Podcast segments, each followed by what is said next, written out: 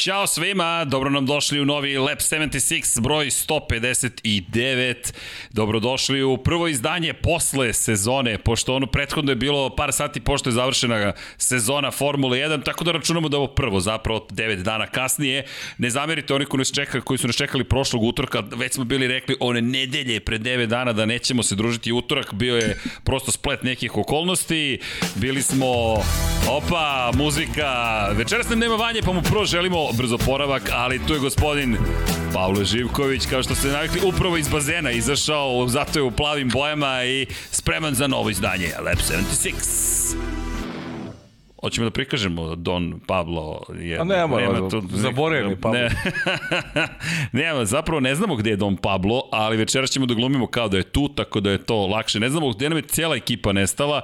Nema, ostali su, pa prošla sezona svi su nas ostavili. Nema Ivana, nema Don Pabla, nema Vanje. Kao ali, gotovo je, kao kraj su nam sezone. gosti iz Novog Sada. U Novom da, Sadu, u Novom Pozdrav za ekipu koja je ovde u studiju, prisutna uživo i nemamo slušalice, ali nadam se da ste svi spremni za najnovije izdanje i za priče koje su se desile umeđu vremenu. Sezona još uvek odzvanja, Abu Dhabi odzvanja još uvek i neverovatno je zapravo šta je postigla Formula 1, ne znam da li je to bio plan, ali ove godine se mnogo toga desilo da evo i 9 dana kasnije se još diskutuje o Formuli 1, o tituli, ko je, zašto je, kako je, ko je u pravu, ko nije u pravu i tako dalje, uzavrele strasti, čak smo došli do toga i da Nikola Latifi mora da se obrati javnosti i da kaže ljudi, strašno. Hajmo da stanemo sa, sa nekim ružnim stvarima, nema potrebe, ja se nadam u Lab 76 to da posebno pričam, ali ukoliko neko prvi put sluša, ljudi, mazite se i pazite se i vozite računa jedni u drugima, to je najvažnije.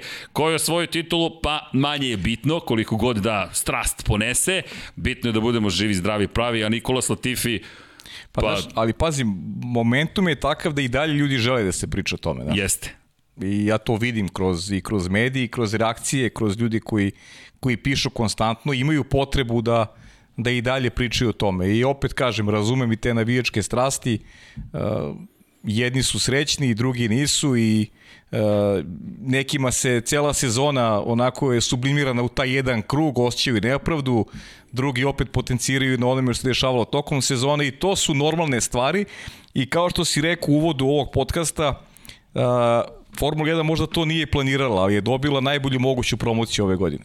Zaista. I priča se, mnogo se gleda, u krajnjem slučaju, evo i, i podcast naš od nedelje, uh, ovaj, koliko je pažnje izazvao, razlog je naravno dramatična godina i epilog koji smo imali. I to je, to je to. Tako da, i ako je Formula 1 uh, dobila neku novu publiku i, i ako je ovo preznak da će u budući biti još bolje interesantnije, pa super što je tako i možemo samo oduživamo na, na na onome što nam je podarila 2021. uz uvek one ograde koje ćemo imati vezano za, za te neke nepravilnosti koje smo uočili, koje mi osjećamo kao, kao nepravilnosti i nepravilnosti u krajnjem slučaju iz pogleda onoga što se zove neka sportska regulativa i ta pravila koje se nisu primenjivala uvek u, u, u datoj situaciji, ali pamtit će se šta? Pamtit će se epilog, pamtit će se ta posljednja trka, pamtit će se šampion i način na, do kojeg, na koji je došao do, do titule Max Verstappen. Ali sezona kao da još nije završena i večeras ćemo pričati o svemu što se događalo pa, umeđu da. vremenu. I o protestima, odsustvu protesta, gde je bio Mercedes, gde je bio Lewis Hamilton kada je bila gala veče, test mladih vozača, stigle su nove gume Pirelijeve, obavljeni su vrlo ozbiljni testovi iz te perspektive, priča se, šuška se da neki timovi imaju super tajanstveno otkriće koje će ih dovesti do toga da se bore čak i za titule naredne godine, će imati reprizu 2009. Pored toga, izabran je novi predsednik Međunarodne automobilske federacije, dakle FIA ima Tako novog je. čelnika. E, priča se takođe o tome da bi Lewis Hamilton mogao da bude kažnjen za početak sledeće sezone, da bismo mogli da imamo čak i, to jest imat ćemo malo uzbudljiviji pa, da možda. Pa da bi mogao da ne vozi uopšte sledeće godine. I to je jedna od najvećih priča, tako da mnogo drame trenutno u Formuli 1 imamo i iz perspektive svega onoga što se događa, sezona se zapravo nastavila, možemo reći, zato smo i rekli, odzvanja Abu Dhabi još uvek, a počela je nova sezona. Inače, pre nego što nastavimo, pozdrav posebno gospodinu Zoranu Živkovu, zašto? Gospodin Živkov je trebalo da bude večera sa nama, međutim, nažalost, COVID-19 čini svoje, tako da mu mi želimo brzo poravak i držimo mu palčeve da će se oporaviti zaista u potpunosti pre svega, da neće imati nikakve zbiljnije posledice i da ćemo ga videti vrlo brzo u studiju.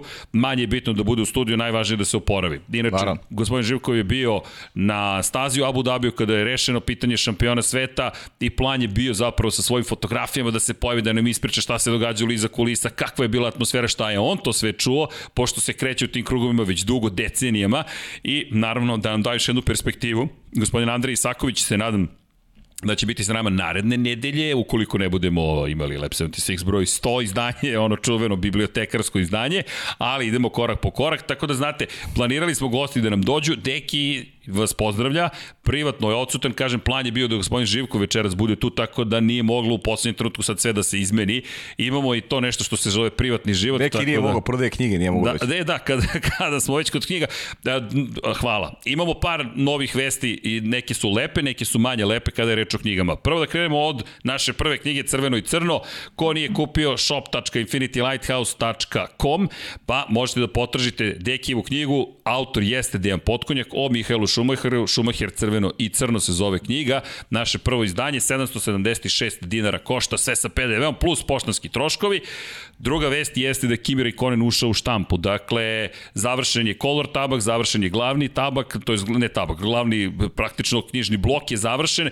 Korice se trenutno suše, tako da čekamo srebrotisk da se to završi, e onda će sve to da se spoji. Četiri dela ima, ima omotnicu, pa onda tvrd povez, pa srebrotisk ide preko toga, pa onda ide glavni knjižni blok unutra, pa unutra kolorni tabak od 16 strana, pa sve to kad se prošije i završi, onda se pakuje i dostavlja nama i onda kreće na put ka vama, svi koji ste naručili knjigu Kimiru i Konenu, dakle, legalno kupljena prava, prevedena i prvi put na našim prostorima da, koliko ja znam, neko serijski radi takve stvari, to je Infinity Lighthouse, tako da smo super ponosni.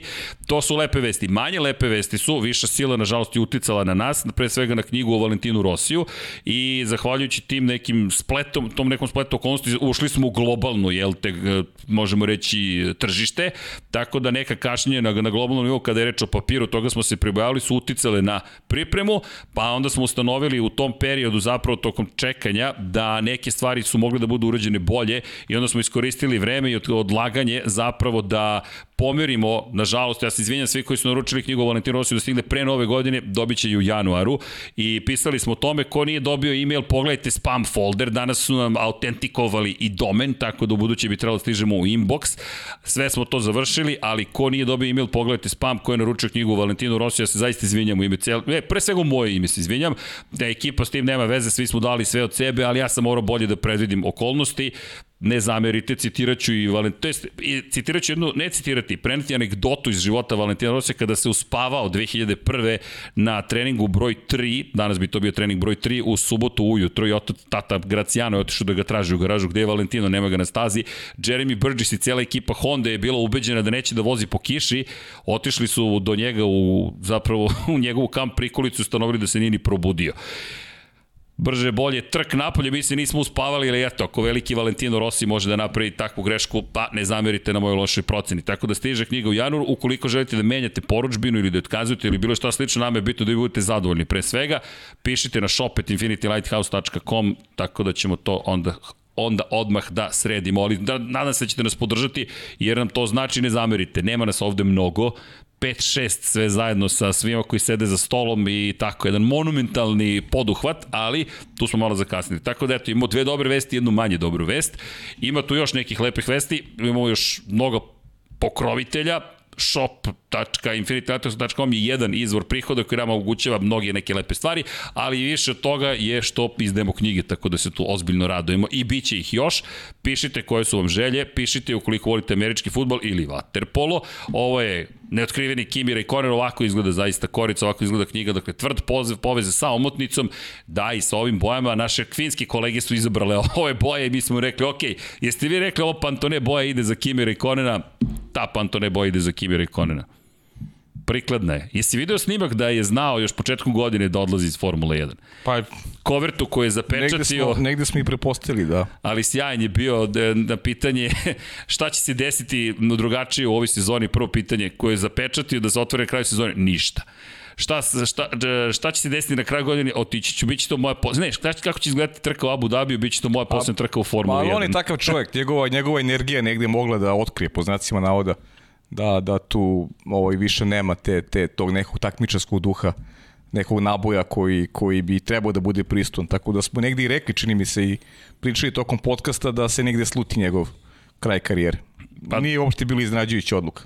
Da, je bilo simpatično videti ga kako šerecki pomalo kaže, ok, i pa, samo, je, da. samo je završio ceo razgovor rečima, doviđenja, goodbye i otišao i to je bio kraj razgovora. Ja mislim kada bi ikad došao u studiju na kraju verzuma da bi se intervju završio sa njegovim rečima da doviđenja. I usto bi verovatno i pa otišao. Pa jedno 17 reči bi izgovorio verovatno. e, ali ko zna? Ko, ko zna? Kimi, vidjet ćete u knjizi, ima zanimljivih njegovih izjava. Inače, šta smo još rekli? Da da još jedna bitna stvar, da, započeli smo glasanje za vozača godine, tako da, postavit ću upravo u chat, pa možete da glasate, link je otvoren i možete da birate, ovo je zajednica Lab 76 koja bira ko je bio vozač godine po vašem mišljenju. Tako da glasajte, podelit ćemo to i na društvenim mrežama, želimo da znamo šta vi mislite tom. Imate pravo naravno na jedan glas, zapravo Google nalog, po jedan Google nalog, pa eto, do sledećeg utorka u šta smo rekli, 14.59, minut pre početka neke trke koje bi se vozila utorak popodne, ali mi ćemo voziti sledeće nedelje, ko zna gde ćemo biti, ali u svakom slučaju Lab 76 će biti tu, pa eto, prilika da date svoje mišljenje o tome ko treba da bude vozač godine u 2021. Inače, stupili smo u kontakt sa sinom gospodina Veljka Petrovića, zašto? Ako se sećate priče, kaže, mi možemo da zakasnimo ali ispunjavamo stvari, Nadamo se da ćemo napraviti jednu malu statuetu i poslati je koga god vi da izaberete za vozača godine u tu ekipu i ne šalim se kada to kažem. Zašto? Pa želimo na taj način da zapamtimo gospodina Veljka Petrovića. Oni mlađi možda nisu čuli njega, ali Veljko je nas pokrenuo. A kako da zapamtite svoju prošlost? Pa morate da joj odete priznanje. Tako da mi želimo da sačuvamo uspavno na gospodina Veljka Petrovića na taj način. A kada je reč o gospodinu Sukiju, to ćemo raditi kada je reč o fotografijama. Tako da smo eto počeli da realizujemo malo sa zakašnjenjem neke stvari koje smo još prošle godine želeli, pa eto, sutra ćemo inače objaviti anketu za najboljeg vozača u Moto Grand Prix-u.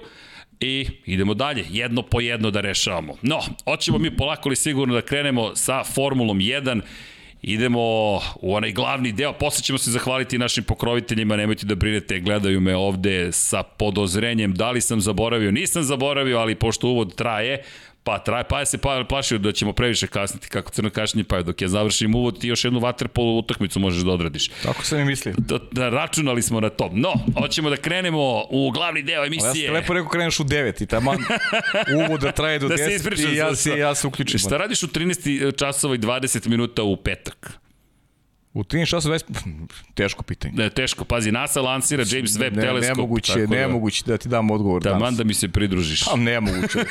A znaš da sam ti rekao da ja ne volim tamo gde nisam ovaj, ne, nešto potkovan baš. Tu ti je Deki idealan. Pa Deki pitanje sad da li će biti dostupan, ali bit ćemo tu, držite palče da će se okay, okupiti okay. ekipa. No, da mi krenemo i krećemo naravno od onog glavnog, a to jeste bilo proglašenje pobednika, to je to sveća titule, ali uz ovu dobru muziku ja prvo da poželim ljudi Nadam se da uživate. Formula 1 je prošla, ali virtualna Formula 1 traje. U ovom studiju trajeće do sledeće sezone. Što se tiče trkanja, imate igrice, imate internet i ne brinite, uskoro ćete nas videti. Neko pita ko je to nabavio PlayStation 5. Ne samo što je nabavljen, nego je najzad i povezan.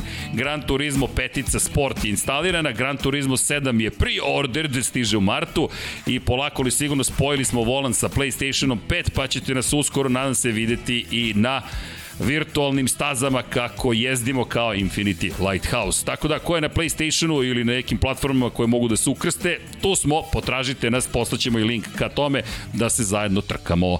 Kada je reč o zajedničkom trkanju, trkali su se Lewis Hamilton i Max Verstappen, Verstappen u svoju titulu, gala veče, međutim prošlo je u znaku ozbiljnog protesta ekipe Mercedes.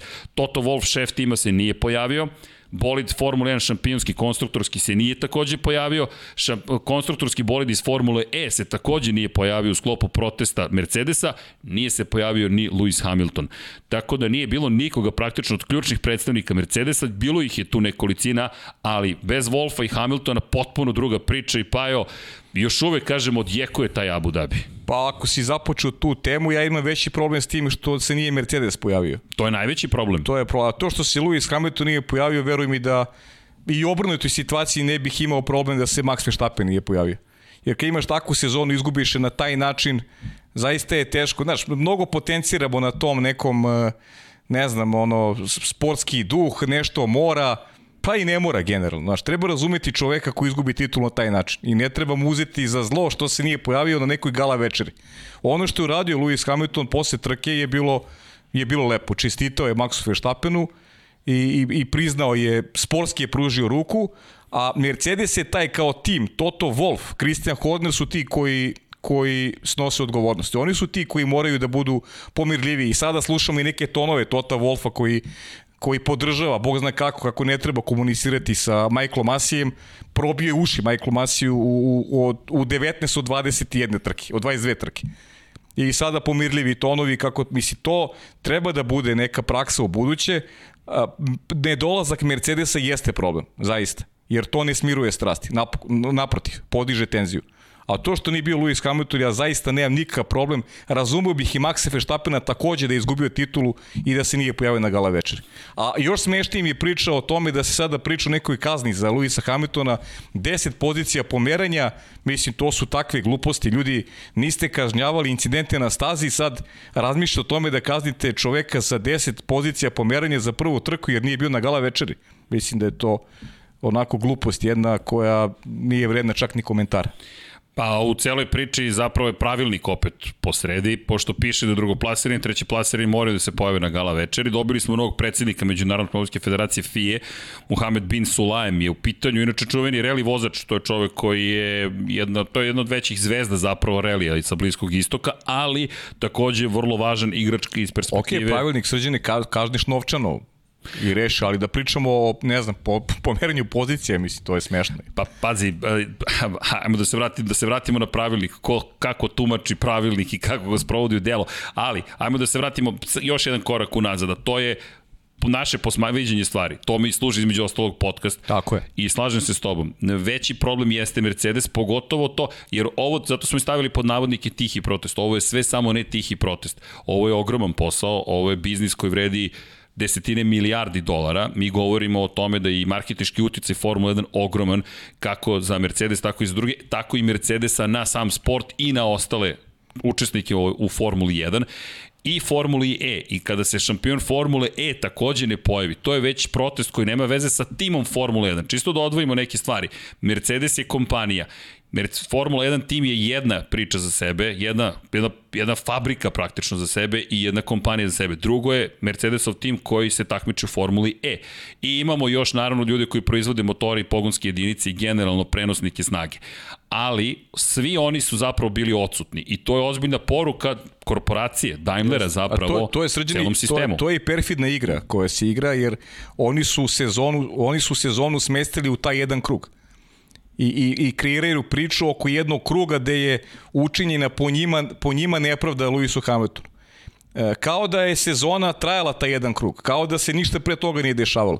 I zato kaže to je jedna perfidna igra i, i neki pritisak koji se e, e, koji nameću prosto taj pritisak pred početak nove sezone. Mislim da je deo pritiska koji opet ne dolazi od Luisa Hamiltona e, i to kako neće voditi. Ili ti stvarno misliš da Lewis Hamilton neće voditi naredne godine? Pa mislim da hoće voditi. Da li si ti čuo od Lewisa Hamiltona da je on, da je on negde rekao, da je ne. negde izjavio ja neću možda vodim sledeće godine? Ne. To je sve dolazi iz, iz uh, Mercedes. I, i, i iz još jedne grupe, to su britanski mediji. Tako je. To su pre svega britanski mediji. I kada kažem britanski mediji, ne mislim da je to neka bitka britanskih medija Tako za je. pravdu ili za ne, to, to, to, borbu ne, protiv ostalih. To, to, to, se, to, se, to je tiraž. Tako je, to se kre, kreira se priča kako je učinjena velika nepravda Lewisu Hamiltonu.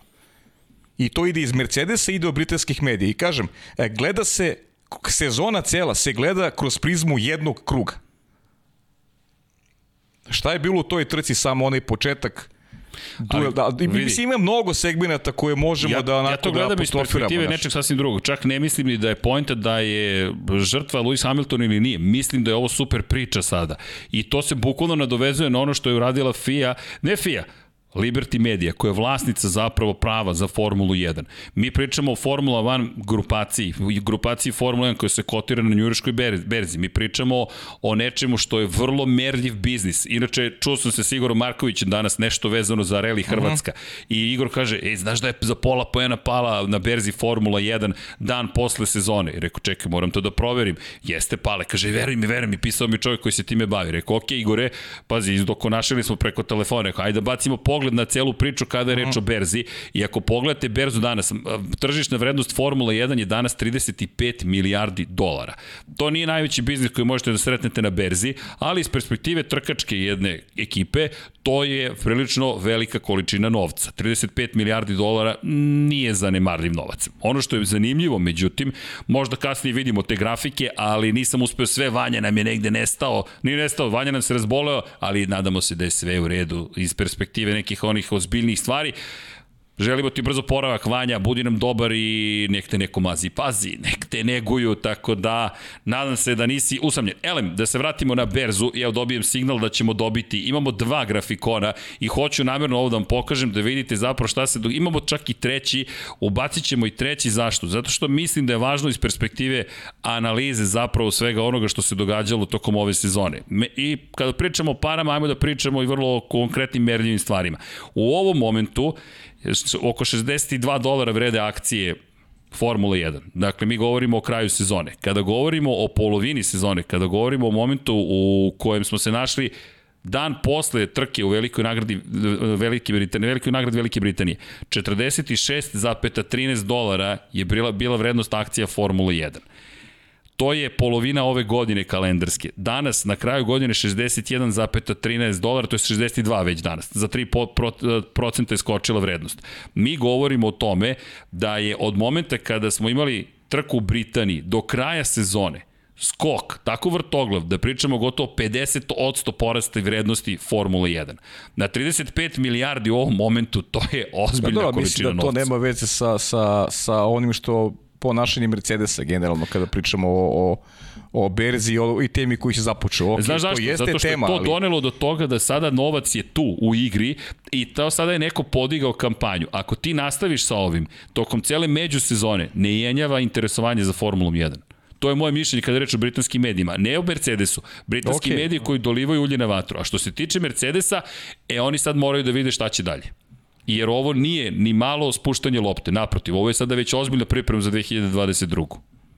Pa dobro, to je, to je utakmica je već počela odavno za kada pričamo o pripremi za 2022. ali e, znaš kako ja evo izvini evo pa pogledaj u sportu od toga da ko gubi ima pravo da se ljuti a live da se pogledaj na polovini godine gde je i kako sve raste kako ide trka trka trka trka trka vrtoglav uspon zapravo imaš do tog momenta godina je relativno uobičajena malo gore malo dole malo gore malo dole malo gore malo dole kako ide ka decembru samo raste, kao pa, planina, dobro, kao je. na Himalaje neko da se penje. Pa to ono smo pričali vezu, ajde pričamo, ne, ne moramo da idemo dalje, polazimo od ovoga što mi radimo. Apsolutno. I kamo je veća gledanost podcasta najvećom zaslugom onoga što se dešava na stazi. Zato Ma nije pa, nego zato što smo mi toliko. A dobro, okej, okay, znaš, to je, da, da, da imaš priču, mora da imaš događaj koji je dobar, znaš. Uh, kad je dobar događaj, onda imaš i priču, imaš imaš sve sve segmente koji koji koji to prate, a Uh, ne znam, ćeš da pričamo sad o Berzi ili se ne, vratimo, ne, ne. ne znam sad. Pa evo, da vidi, ovo je drugi kadar, imamo treći grafikon, ali to ti je pre da. COVID-a, gde smo bili. Znaš zašto pričamo o ovome? Ne, hoće da da pričamo o Berzi, pa ćemo pričamo da. o Formuli 1. Ali samo da ne ispustimo ovu dimenziju, jer često govorimo o nekim parama. I danas mi Igor dao ideju, rekao, ok, ovo su konkretne pare. Kome pripada Formula 1, ovo je inače Formula 1 grupacija. FWONK je oznaka ko želi da se na Nasdaqu tamo bavi malo kupovinom vrednosti, to je akcija za Formula 1, pripada Liberty Mediji, I sada tu imamo Stefana Domenicali koji vodi od ove godine. Domenicali će na kraju dobiti bonus, ja mislim, za uspešnost koju pokazuju berzanski pa, indeksi. Mislim, znaš, pri, priča, priča ko priča, lako je da je vrtiš kad, kad postoji. Znači, samo pričamo o tome priča se kreira u zavisnosti od toga a, koga vidiš tu kao žrtvu, koga kao, kao pravog pobednika, znaš. I onda, naravno da britanski mediji prave žrtvu od Luisa Hamiltona, s druge strane, oni koji veliči Maxe Verstappen od njega prave velikog heroja i to će se vrti do početka sezone. Neizbežno će da se vrti ta priča do početka sezone. Da ne razmišljamo što o pratećim stvarima, e, sam događaj po sebi je bio veliki spektakl. To je ono u rangu u rangu onoga što smo pričali fi, finale, finale tenisa ono, u, u, u New Yorku, tako? E, e, zašto ljudi došli na to finale? Pa mnogi i ne vole Novaka Đokovića, ali su bili, jer su hteli da prisustuju istoriji. istoriju, tako je. Oni su hteli da prisustuju istoriji, hteli su da on pobedi, da bi oni bili deo istorije. Da pričaju kako su oni učestvovali u njegovom osvajanju i zato ima onoliko podršku na navijačku. To je, to je moja teorija. Kao što je, su danas u Abu Dhabi ljudi hteli da budu uz male ekrane, uz e, stazu, da bi bili deo istorije. Drugi put u istoriji dva vozača ima isti broj poena. I samom po sebi to je nešto čemu će se pričati godinama. Ne sad u međusezoni, o tome će se pričati tokom sledeće sezone. Priča već postoji. I kad, je, kad smo dobili priču, pa naravno da će, da će mediji, da će, ne znam, timovi da tu priču pumpaju. Mediji će pumpati do početka naredne godine. Evo možda gledaš i po ovim domaćim medijima. Ti svaki dan sad imaš nešto o formuli. Si primetio? Pa da, vidio sam neke naslove na gde su formule, šta rade vozači u vreme pauze. To nikada nije bilo. Zato što, zato što je događaj prosto takav da je, da je onako skrenuo pažnju i ljudi sada čitaju sa, sa većom pažnjom sve što se ponudi u, u javnosti vezano za, za šampionat. Sjeti se srđene pre dve godine, pa u krajnjem slučaju i pre tri godine. Svih ovih godina manje više ti ja smo jedva čekali kraj, da budemo iskreni. Znaš, imaš rešeno pitanje prvaka pet trke pre, pre, pre kraja sezone. Šta tu ima da vidiš? Realno, koga to interesuje realno? Ne, nije, Ajde, ne budemo brutalni. Smo jedva čekali kraj, više smo bili nekako spremni, ok, ajmo da odmorimo i da se nadamo da ćemo imati pa uzbuđenje kaže, pa, sledeće pa, godine. Pa, tako ali, je, jedva čekaj sledeću sezonu, ali, ali, ali ta, ta ali koju radiš... Ali mislim da nisi precizan, znam kako izgleda kada dođemo, koliko smo radosni kada počne trkački vikend. Aj dobro, jeste, ali, ali stvarno nekim, nekim situacijama je to bilo onako iskreno, predvidivo, sve. Kad je nešto predvidivo, nije interesantno. Pa, Znaš, nije interesantno, realno. Ima nešto drugo, ja čak nemam problem sa predvidivošću. Imam problem sa odsustvom bilo kakvog izazova. Znaš, nije problem da li ćeš ti predvidjeti će neko da pobedi, nego da li će išta postojati u toj priči što može da za golica mašto kažeš, ej, nešto može da će Znaš da kako, se desi danas. Ni, ni jedna priča ne može da prevari publiku.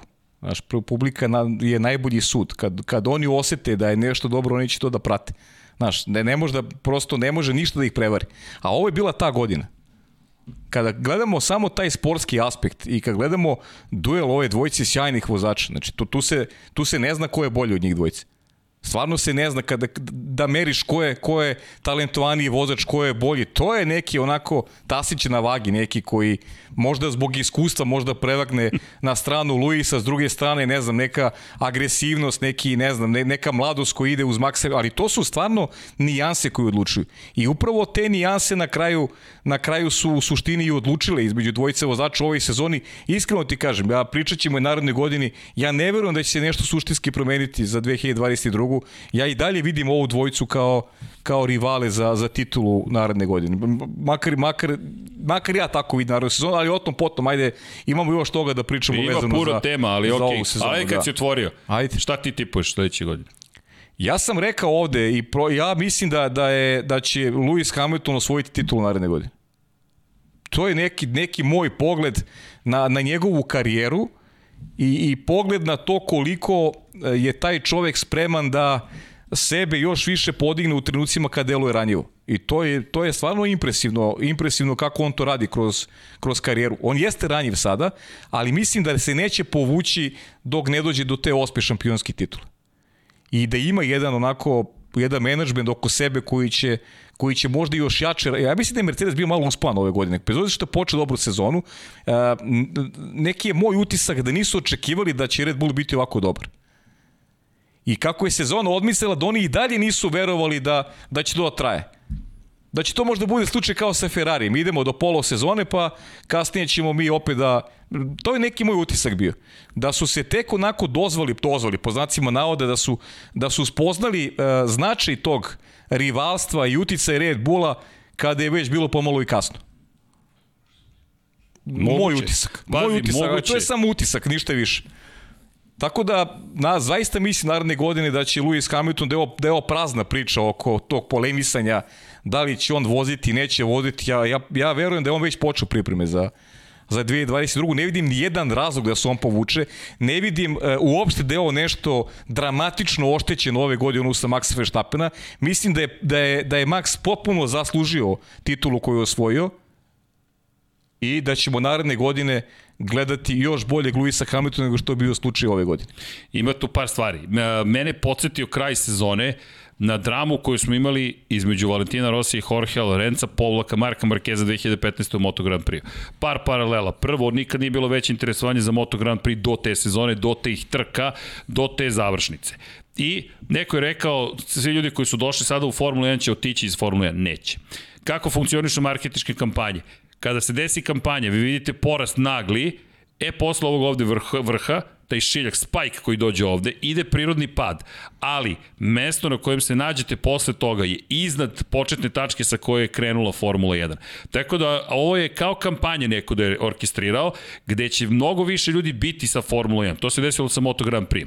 Gde su, inače, poslednja trka opet drama, kazne, nekazne, košta gde kako. Međutim, gde postoje gde, gde postoji jedna velika, velika, ogromna razlika, zapravo dve. Prva je između, iako su se Lorenzo i Rossi borili za titulu, najveće zapravo od sukobi bi između Markeza i Rosija. Rosija koji je tvrdio da Markez utiče na njegovu borbu za titulu, Markez koji posle tih optužbi se nije ni potrudio da, da pokaže suprotno naprotiv. I to su dva slična vrlo karaktera, kao i kod Hamiltona i Verstappena, koja su u različitim fazama svoje karijere rekla, ok, idemo u direktan sukob. Hamilton i Verstappen nijednog momenta van staze nisu ušli u sukob. Njihovi jedini kontakti i incidenti su bili samo na stazi. Obojca su spuštali loptu i gasili vatru neprekidno. Ko je dolivao ulje na vatru, bili su šefovi timova. Dosta velika razlika. Kod Rossi i Markeza i dan danas animozitet je ozbiljan. Čak sad se mnogo manje krije nego u prethodnih nekoliko godina kada su pokušavali da budu diplomatični. Markez nije hteo ni da se pojavi na oproštenoj trci Valentina Rossi na stazi, nije imao nameru da se pojavi. Nik nema zamjerki kao što si ti rekao, prosto nije hteo. Rossi kada su ga pitali Markezu rekao, možda za koju deceniju budemo i pričali nešto pozitivno, ali gde je druga velika razlika? Rosiju je to bila gotovo jedina šansa da osvoji titulu i toga je bio svestan. Već je bio van godina koje su toliko dobre bile za njega. Hamilton je na vrhuncu svoje karijere. Hamilton kada pogledamo završnicu sezone bio čovjek koji je napravio mnogo manje grešaka, gotovo nepogrešiv. Verstappen je pravio greške, tako da se ja slažem 100% sa tobom. Mislim da će biti mnogo veća gledanost, da će Hamilton ostati u Formuli 1, ali da ćemo slušati dramu u narednih x meseci. Pritom, mlad čovek, 24 godina osvaja prvu titulu. Ti treba sada iz te priče, kao svetski šampion, da budeš maksimalan i naredne godine. To zaista ide teško. I u međusezoni da ostaneš pribran. To za, ide teško. Pogotovo sa, sa tim mladim godinama koje Max ima. Sjajan je vozač, e, odličan karakter, e, sebe doveo do jednog nivoa da ti u 22 trke osvojiš titulu protiv Luisa Hamiltona. To je već e, pokazatelj koliko je on kvalitetan vozač. Ali ne zaboravimo da je mlad čovek. Mnogo je lakše Luisu Hamiltonu da se pripremi za neki novi izazove, da pripremi svoje telo, svoju glavu za novu sezonu, nego Max koji je, možda misliš šta se odvijelo u glavi tog mladog čoveka, spoznio da možda bude šampion sveta i, i, i koliko je potrošio, potrošio energije, ne znam, živaca, ma svega što treba da bi pobedio Luisa Hamiltona. I ti si došao, kao ti, ti si izduvao, potpuno si se ispumpao. I treba sad ponovo da, da prođeš isti proces naredne godine. Ja mislim da će ići to malo teže nego što, nego što ljudi zamišljaju uh, i da, da se tu negde krije ovaj prednost uh, Luisa Hamiltona, a opet s druge strane to lobiranje koje, koje Mercedes radi, mislim da cela priča, ta, ta negativa, uglavnom je ove sezone kretala od jednog čoveka, to je Toto Wolff, On je taj koji je uglavnom utio vodu tokom sezone, mnogo više nego što su to radili Christian Horner, prosto i karakter tih ljudi koji sede u Red Bullu, rekao bih da da ovaj ni približno nije ovaj na nivou Tota Wolfa, Toto Wolf je taj koji je poprilično namazan i zna šta treba da radi i ume da muti vodu uh, u interesu ekipe. Horner bio bez... Pa da, ne kažem da je bio, ali Christian Horner to se uglavnom dešavalo kad prođe trka kad, kad ne čuješ u, kad ne čuješ u, u komentaru u sred trke, Toto Wolff i neko to eksplicitno radio i tokom trka. Njegove reakcije su konstantno bile e, na temu, neko je naudio njegovom timu, neko je naudio njegovom vozaču ali, i to je od početka sezone bilo prisutno. Ali da li je to loše ili dobro za ekipu? Ne mislim da je to loše. On radi posao za ekipu. Ja, ja, ja ne kažem da je to loše za ekipu, nego samo kažem da je on taj koji je uh, eksplicitan bio u u nastojanjima da zauzme neki, mislim, neki stav koji, koji će da pomogne ekipi u toj borbi sa, sa Red Bull. Mislim, mislim da, da je Red Bull Horner, bio mnogo pasivniji. Pasivniji jeste, ali Horner nije zaostao po svojim izjavama generalno. Pa znam, po izjavama sređene, kad prođu, izjave davao kad prođu trke, kad prođu trke, davo ih je i dr. Helmut Marko takođe. Jest. Ali Red Bull tokom trke je znao da bude onako kao da imaju neke zakasnele reakcije kao da nisu u svakom momentu svog vozača podržali na, na, na, na nivou koji bi to trebao da bude kada se boriš za, za šampionsku titulu. Kažem, opet moj utisak. Vidi, mislim da, da, da, da je Horner bio tu. To, to je samo moj utisak, da, da, da okay. nije zaostaju ukupnom. Kada je reč o samoj trci, Jonathan Whitley je mnogo više imao posla iz te perspektive, ali generalno mislim da jedan i drugi su baš pomogli celoj priči. Inače, sledeće godine Ross Brown je rekao da bi trebalo da bude ukinuta komunikacija i prenos komunikacije tokom same trke. To je nešto što inače Wolf rekao, kom je kriv kada sam sam tražio da se to učini transparentnim i da se više prikazuje. Bron i Wolf su gurali zapravo da se puštaju sve u etar i komunikacija sa Masijem. Ali to bi trebalo da bude deo prošlosti, makar se mi nadamo da će biti deo prošlosti. Ne toliko prenos informacija ka nama, transparentnost ne treba da ukinu, već ta komunikacija koju su imali sa Masijem, Masi treba da radi svoj posao. Ne zaboravimo i početke te komunikacije u Velikoj Britaniji. Michael, da li si pročitao moj e-mail? Ne zaboravimo i taj moment. Ma, mislim, Čitanje e-mailova u momentu kada traje trka. Ali dobro, dosta je bilo drame, iako će se ovo vraćati, vraćati i vraćati. Ono što smo što su takođe veliki, ima mnogo velikih vesti. Evo pozitivna vest za Ferrarijeve navijače, ima tu jedan čovjek koji nosi Ferrarijevu polo majicu. Santander se vraća u Formulu da. 1. Za one koji ne znaju, Santander grupacija je ogromna grupacija i neko ko je važan deo bio što McLarena, što Ferrarija i to je lepo videti. Sponzori su nam pa, i tekako da- potrebni. Da, mislim da znamo i ko je zaslužen za za Santander. Fernando Alonso. Fernando Alonso. Da, inače za one koji ne znaju, Santander grupacija koja je četiri godine bila odsutna iz Formule 1 se vraća i što Paja kaže, zaslužen je Carlos Sainz mlađi, to je da. naša pretpostavka.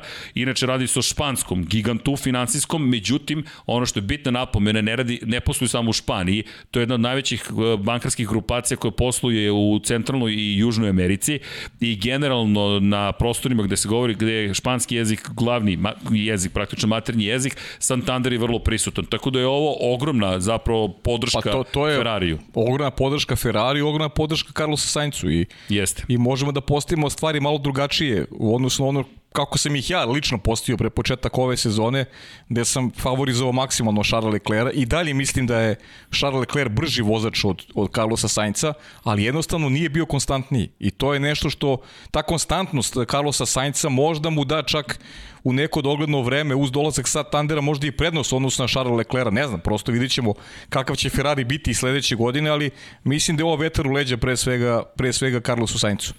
To, je, to je moj pogled na, na celu priču vezano za, za dolazak, tačnije za povratak Santandera u, u, u Ferrari. Pa tako deluje. Prosto tako deluje i znamo kada je Fernando Alonso vozio u Ferrariju da je Santander bio predominantan prosto Jeste. na zadnjem krilu. Inače, Philip Morris International, proizvođači tuvanske industrije zapravo u pitanju, Mission Vino, koncept koji se reklamira već godinama od 2018. neće više biti glavni sponsor, neće biti glavni partner, ali Mati Binotto, šef Ferrari, je rekao da i dalje planiraju da nastave saradnju, samo što će to biti prosto manji manji sponzorski paket. E sad, e, ne znam ne smo pričali o tome zašto uopšte Duvanska industrija još uvijek investira u Formulu 1.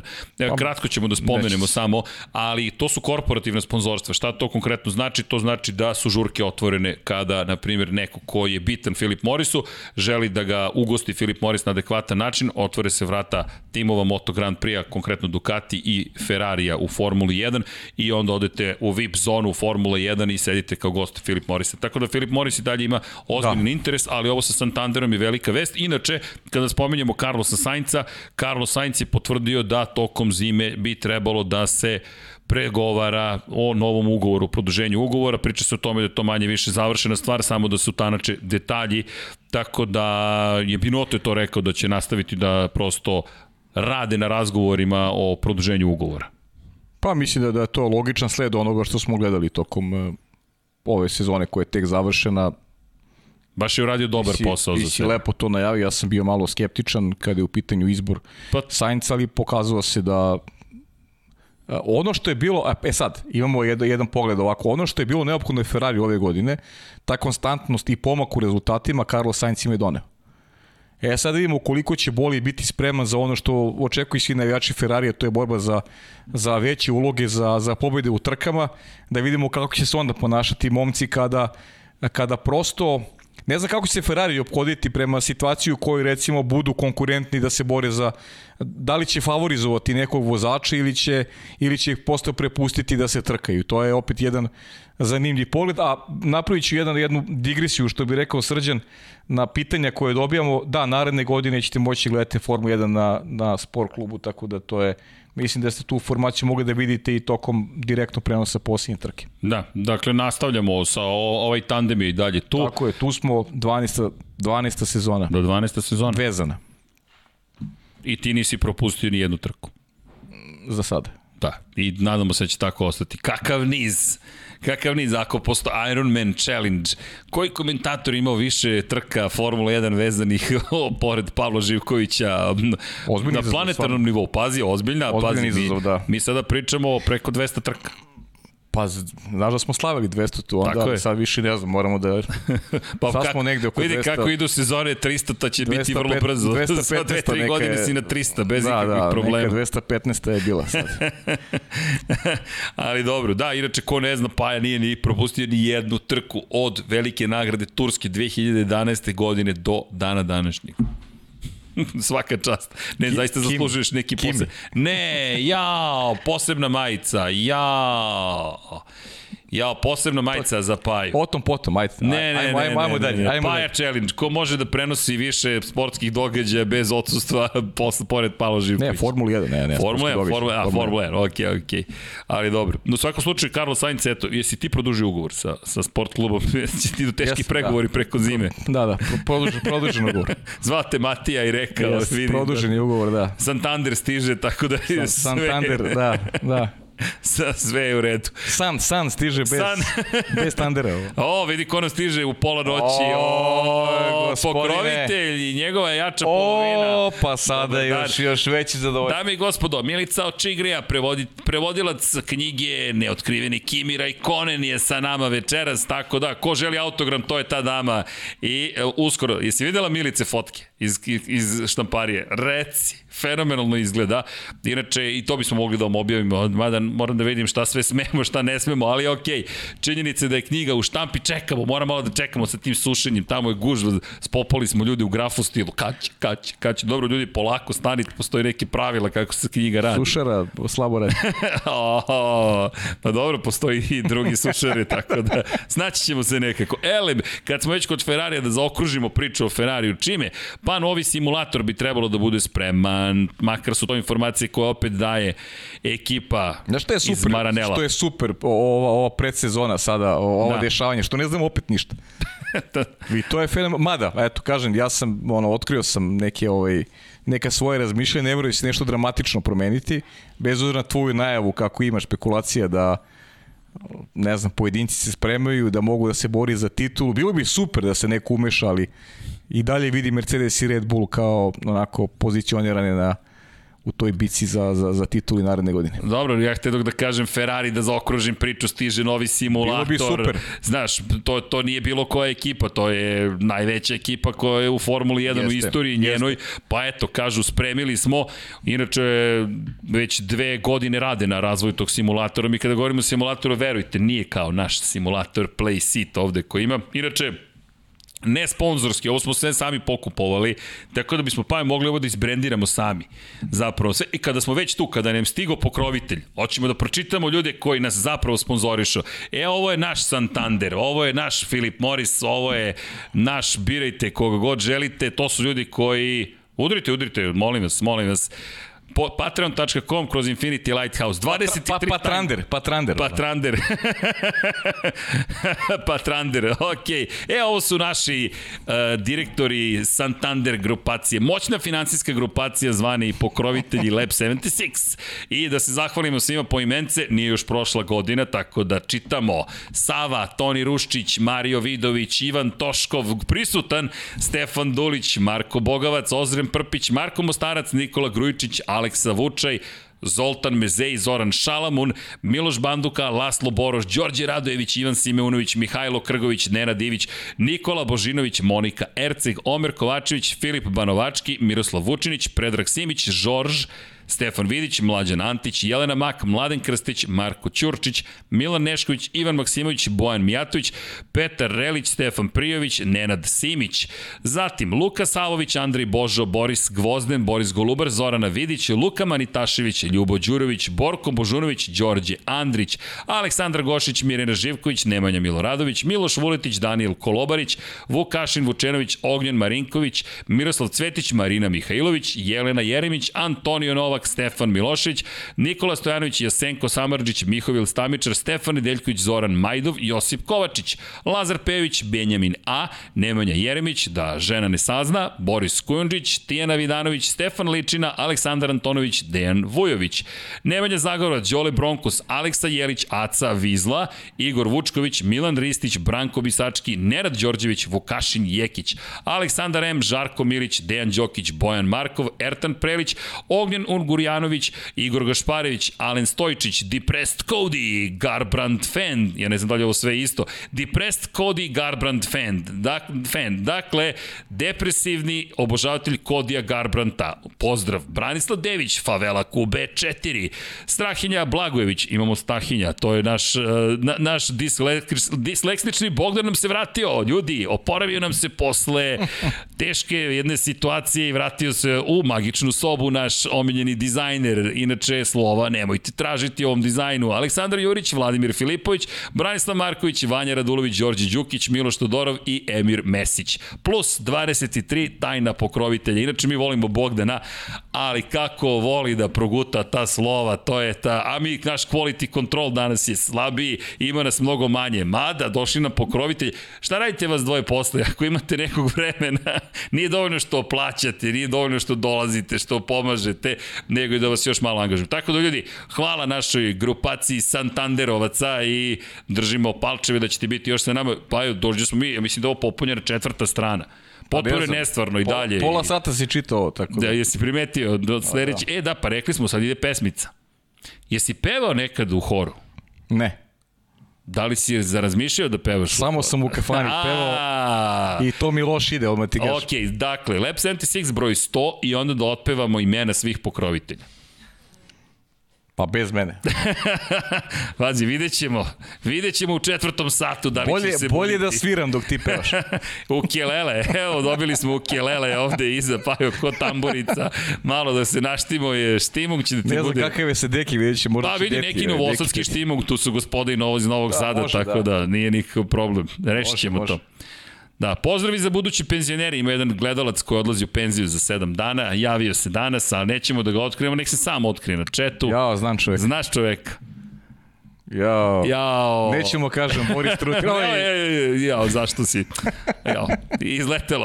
Ali slučajno, pozdrav za Borisa, ide nam u penziju. On čekao Kimi da se penzioniše i rekao, ja sad mogu Prvo, da vas Kimi pon. napustim. Inače, kada govorimo o Santanderu, Ferrari svema ostalo, zaista se radi o ozbiljnom simulatoru. Dve godine razvoja. Britanska kompanija Dinizma je zapravo zadužena bila za razvoj i cilj jeste bio da se aktivira simulator pred kraj sezone kako bi pomogao razvoju za 2022.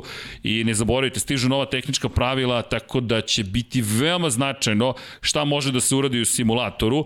Ono što su rekli da su počeli da ga koriste već u septembru, ali potrebno je mesec do dva, možda čak i tri, da potvrdite rezultate koje imate. To je ta čuvena korelacija koliko god se trudili da u simulatoru nešto predvidite, tek kada izađete na stazu prikupite podatke, zato često možete da vidite i pito cevi, možete da vidite zapravo različite sisteme kojima se meri razlika u pritisku vazduha i brzina samim tim vazduha i između ostalog vraćaju podaci nazad u fabriku. Tako da simulator kalibrišu bukvalno u ovom momentu i vidjet ćemo kako će to i da li će pomoći ekipi Ferrarija. Kao što smo rekli, priča se da dve ekipe imaju u ovom momentu neku tajnu. Kao što je bio dvostruki difuzor 2009. za ekipu Brosa Brona kojem je i osvojio titulu. Jenson Button, ja da postavimo pitanje – Jao, šta vi mislite o tome? Imamo dve knjige Jensona Batona. Koja je bolja, ova prva ili druga? Druga. Dobro. Ništa, to ćemo da, da, da stavimo ovde u o jedno od pitanja. Inače, nadam se da ste glasali. Ko nije glasao, imate pinovano u četu. Možete da izaberete svog vozača godine prema mišljenju zajednice Lab 76. 742 osobe su već glasale. Wow, Kung Fu. Neću da vam govorim ko vodi u ovom momentu, pošto time mogu da utičem na rezultate, ali da vidim ko, da li su svi dobili glasove. Opa, i Nikita Mazepin ima glasove. Dobro, dobro, i Nikita je dobio glasove. Tako i treba. Podrška svim vozačima Formula 1. Eto, malo se zabavljamo i kao što smo rekli za one koji su se tek pridružili, napravit ćemo malu statuetu, vratno u mikrofon koja će biti zapravo u čast Veljka Petrovića Vučića koji je bio prvi, jedan od prvih komentatora na ovim prostorima koji je nas makar i učio i natero da se zaljubimo u prenose. Samim tim želimo da očuvamo uspjeno gospodina Veljka Petrovića uz dozvolu porodice. Kažem, stupili smo u kontakt sa sinom. Nadam se da ćemo dobiti dozvolu da to pošaljemo vozaču koga vi budete izabrali. Tako da ne šalimo se, bukvalno ćemo to da pošaljemo u fabriku. Pa ako dobije jedan vozač, drugi, treći, osmi, peti, koja god da je fabrika, u kojoj god zemlji bila, mi ćemo da pošaljemo. Sad, gde će to da završi, ne znamo, ali mi ćemo da damo sve od sebe da zaista obavestimo njihovo medis, medijsko odeljenje da im stiže paket od zajednice Lab 76. Eto. To je najmanje što mi možemo da uradimo, pa idemo dalje. Pajo, ima tu još puno vesti. Šta ima. ćemo sa izborom... Ne, ajmo da se vratimo na test mladih vozača.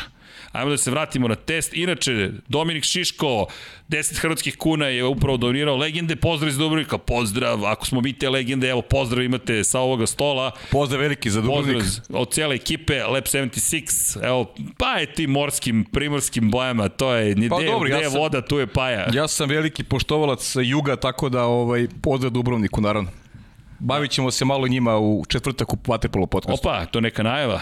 Pa mislim, bit će generalno i u jugu dosta toga. Dobili smo jedan lep poklon iz, iz Dubrovnika i planiram da ga, da ga onako prezentujem ovaj, javno ovde u četvrtak u podcastu. O, pa eto, lepe da. stvari. Ko ne zna, za Pajim pa podcast... monografija, monografija Juga koja je, Stvarno. nisam vidio lepšu monografiju nikada, morati priznam. Okej. Okay. Baš pre, pre, prelep poklon. Moramo, dakle, pa dobro, i daješ neke ideje sada, nove ideje. Da, prelepa, zaista prelepa monografija. Divno. Neverovatno uređeno. Divno, tako da, inače, ako želite nešto da mi napravimo sa ovih prostora, dajte ideje za knjige, dajte ideje za monografije, mi ćemo se potruditi da uradimo šta je u našoj moći. Idemo korak po korak, evo, za godinu dana pomirili smo se, pomirit ćemo se još više. Dakle, gde smo bili? Kod Ferrarija, simulatora. Pa, Ferrari, ali, da, test, test mladih vozača. Test mladih vozača. Hoćemo test mladih vozača malo, Ajde, se pozabavimo. Pa, god. imaš neki utisak ovog testa mladih vozača? Znaš ko je meni? Aj, aj, ajde da te čujem. Ajde, kreni, ajde, ajde, kaži. Ili imaš? Šta je? Ne, pa mislim, nemam nešto na prvu loptu, vidim da si se, da si baš ovaj, na baždaren da kažeš ovo. Imam jedno, ajde, i, kaži. ajde šta misliš? Da li možeš da pretpostaviš ko mi je onako baš nekako pik bio posle testa? Ček da da li gospoda znaju. Pa ko se najviše obradovao posle testa mladih vozača? Niko nema ne reguj, ovde. Ne reguju. Au, slabo. Dakle, ko je, ko je najviše se radovao Pato Ward? Ste ga čuli? Niste čuli? Niste isp... Au, ovde. U svakom slučaju, bilo je zabavno pratiti, ovde izgleda da sam samo ja bio taj koji je... Koji je oduševljen sa... Koji je oduševljen, da. Pa činjenicom da je dobio priliku za početak i da je izašao iz McLarena sav radostan kao malo dete, Dakle, meni je to bilo ono što je bilo fascinantno. Čekaj da dalje ovde je neko isprati. Neko isprati ovo. Jeste, evo neki su ovde ispratili uz osmeh na licu, ali ono što je bio najveći utisak jeste da je posle vožnje 92 kruga izašao i rekao ljudi, ovi bolidi su ludi, vremena su besmislena i sve ovom bolidu je potpuno neverovatno i besmisleno. Inače, jedan od najvećih utisaka je bio zapravo njegova nemogućnost da više drži glavu pravo. A ko se seća prvih krugova Sebastijana Fetela, četvorostrukog svetskog šampiona, setit će se da nije mogao da drži glavu uspravno na prvom kočenju. Zapravo, pošto su sile, negativne sile ubrzanja takve, da mu je pala glava, bukvalno mu se spustila glava u ruke i kako sad, odaljući se malo od mikrofona, kako je ukočio, glava je otišla dole. I zato vozači Formula 1 moraju toliko da rade na vežbama mišića vrata, ne možete da držite glavu uspravno. I bilo mi je fenomenalno kada dođe jedan takav klinac, klinac, jedan vrlo ozbiljan vozač i ispriča kako mu je jedan od najtežih momenta zapravo bilo da drži uopšte glavu. Inače, Meksikanac je neko ko se takmiči u Indikaru, koji ima iskustva, koji je vrlo ozbiljan vozač i neko ko, ja se nadam, inače mogli ste ga vidite čak i u Formuli 2, da ćemo imati prilike malo da ga, eto, tako, da ga vidimo. Treće plasiran je bio u šampionatu, ko nije ispratio McLaren zaista veruje dosta u njega i eto, meni je bio najveći to utisak, možda je nekom čudno, ali meni je to bilo fenomenalno, vidite ga, ja smajim. meni je to bilo fenomenalno. Ja moram to da ponovim ljudi, zašto? Pa to je čista emocija, izlaziš neko dete, izašlo iz... Svi su toliko korporativni, a danas je bio sa jedan dan, odvezli smo 40 pa, dobro, krugova, testirali je... smo ono što je bilo potrebno i onda izađe neko i kaže ljudi ovo je, ovo je suludo, jer ponekad zahvaljujući odsustvu zvuka zaboravimo šta je Formula 1. Ljudi, to je to je i dalje neverovatno trkanje. Mi pričamo o silama koje imate kod, kod pilota vojnih aviona, dakle, o, mi govorimo o ljudima, ne klasičnih vojnih aviona, borbenih, Dakle, govorimo o lovcima, vi govorimo o nekome, on čovjek je profesionalni vozač u IndyCar, on nije mogo drži glavu uspravno posle 92. kruga, rekao, već sam se bio umorio, glava mi se umorila samo zaboravljam ponekad koliko svi ovi vozači koji sede u Formuli 1 šta rade svakoga dana. Samo moj utisak. Ali ok, možda sam previše emotivan jer nema Formula 1. Ovde pokušavaju da me obuzdaju, pa je već otišao u, dimenziju X. Pa nije, ja sam, ja, kažete, ja razmišljam. Peto Ward. Peto Ward, da. Da, Peto Ward. Ne, Meksikanac. Meksikanac, da. Meksikanac. Da. Treći plas je bio ove godine u šampionatu u Indikaru. Brz vozač. Moje mišljenje. Ne, IndyCar, IndyCar je stvarno takmičenje koje, koje vredi gledati. Sad, mislim, ko ima priliku da gleda, ja iskreno najviše volim IndyCar posle Formule 1. To mi je, to mi je najzabavnije, najzabavnije za gledanje. Ono što je... I ima, ima neki, ima dodatnih tačaka sa, sa Formulom. Meni je nekako na, najpribližnije onome što gledamo u, u Formuli 1 i, i dobar deo vozača koji se takmiče u Formuli 1 i vozio IndyCar. Neki nikada iz IndyCar nisu došli u Formulu, a zaista zaista vrede, ovaj, vrede pratiti ih. A, Znaš, kad mi kažeš mladi vozači, ja sam, ja sam i dalje pod utiskom onoga što smo gledali u dvojici i trojici, znaš, to je, to je meni i dalje, ne znam, Oskar Pjasti, Denis Hauger, to, to su mi neki momci koje verujem da ćemo gledati u Formuli 1 i neko su, kako bih ti rekao, u ovom tržištu su trenutno interesantniji, tržištu Formuli 1, gde verujem da će dobiti priliku, pogotovo Oskar Pjastri, jer je stvarno uh, mislim da, da, da, da treba šampion Formule 2 da automatski negde dobije priliku u Formule 1, da to treba neka sportska regulativa da reši uh, a ne novac, nego, nego e, pa, tu treba više učešća da uzme, recimo, da uzme FIA, više učešća, pa, da, da radi malo više na promociji kvalitetnih vozača, da oni tu naprave neki, znaš, neki sistem u kome bi oni finansirali te mlade momke koji naprave takve iskoreke u svojim karijerama da, da brže dođu na tu najveću scenu, a momak poput Oskara Pjastira rekao bih da apsolutno zaslužuje da da bude u skorije vreme viđen Pazi, na najvećoj sceni. Mohamed Ben Sulaim, novi predsednik FIE, je rekao da će se pozabaviti u napređenju stvari u Formuli 1. Njegov prethodnik Jean Todt nije bio preterano aktivan. Jean Todt kao da je nestao sa scene prethodnih pet godina, povremeno se pojavi na gala večeri, promoviše bezbednu vožnju u otvorenom saobraćaju i manje više to je to. Pa to je FIA generalno koja uzima taj stav. Ti ja smo razminjivali neke one, one, one šaljive, šaljive slike koliko se FIA u stvari ne meša ono što se dešava u Formuli 1, koliko je sve prepušteno Liberty Media, oni su tu sa strane kao, kao deo nekog ukrasa u kome eto kao bravo, dele aplauze i dele nagrade, a, a nemaju utice na takmičenje skoro nikakvo i To prosto mora se promeni. Mora, znaš, moraš da, da neki sistem unaprediš, da, da vrednuješ malo momke koji, koji e, imaju talenta, a pritom nisu mogućnosti da možda tresnu 30 miliona na sto i kažu ok, evo, na taj način ja ću voditi sledeće godine. Da tu malo, da tu malo FIA prepozna neki moment i da, i da tim e, momcima, talentovim momcima nek, omogući neku, neku bolju prohodnost kroz, kroz takmiče svedoci smo prethodnih godina, u dužno poštovanje, sad ne, da ne govorimo imenima da je bilo tu vozača koji iz mog ugla zaista nisu bili vredni pažnje i nisu zaslužili uopšte dobiju šansu u, u Formuli 1. Ali... Pazi, ovo je, ovo je ozbiljna tema koju otvaraš. Nastavit ćemo, samo bih iskoristio priliku kada smo spomenuli zapravo da, da govorimo o testu mladih vozača. Robert Schwarzman drugog dana je vozio. Lando Norris kao glavni vozač ekipe. Inače za Haas je vozio Robert Schwarzman. Neko je postavio pitanje kako je moguće da Haas bude prvoplasirani tokom drugog dana testiranja. Ma, moguće, imate, imate, imate par razloga moguće, zato što ko zna ko je šta testirao. Druga stvar, konkretno je vozio bolid za 2021. sa točkovima i gumama iz 2021.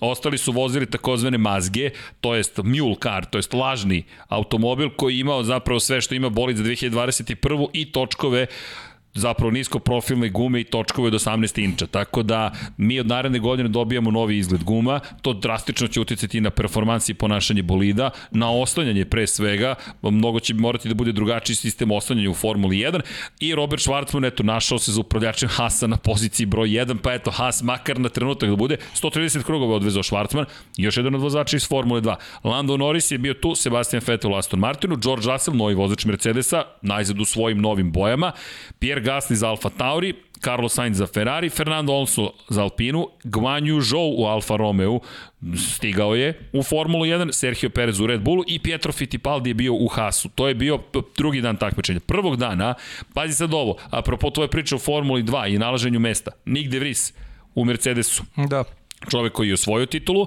i čovek koji je osvojio titulu u Formuli E i za koga nema mesta u Formuli 1. Nema. To je to. Holandjanin može samo da sanja, a testira za Mercedes. I bio je na, na prvoj poziciji. Iza njega Liam Lawson u Alfa Tauriju, koji traži svoje mesto. Oscar Piastri u Alpini bio je na poziciji 3.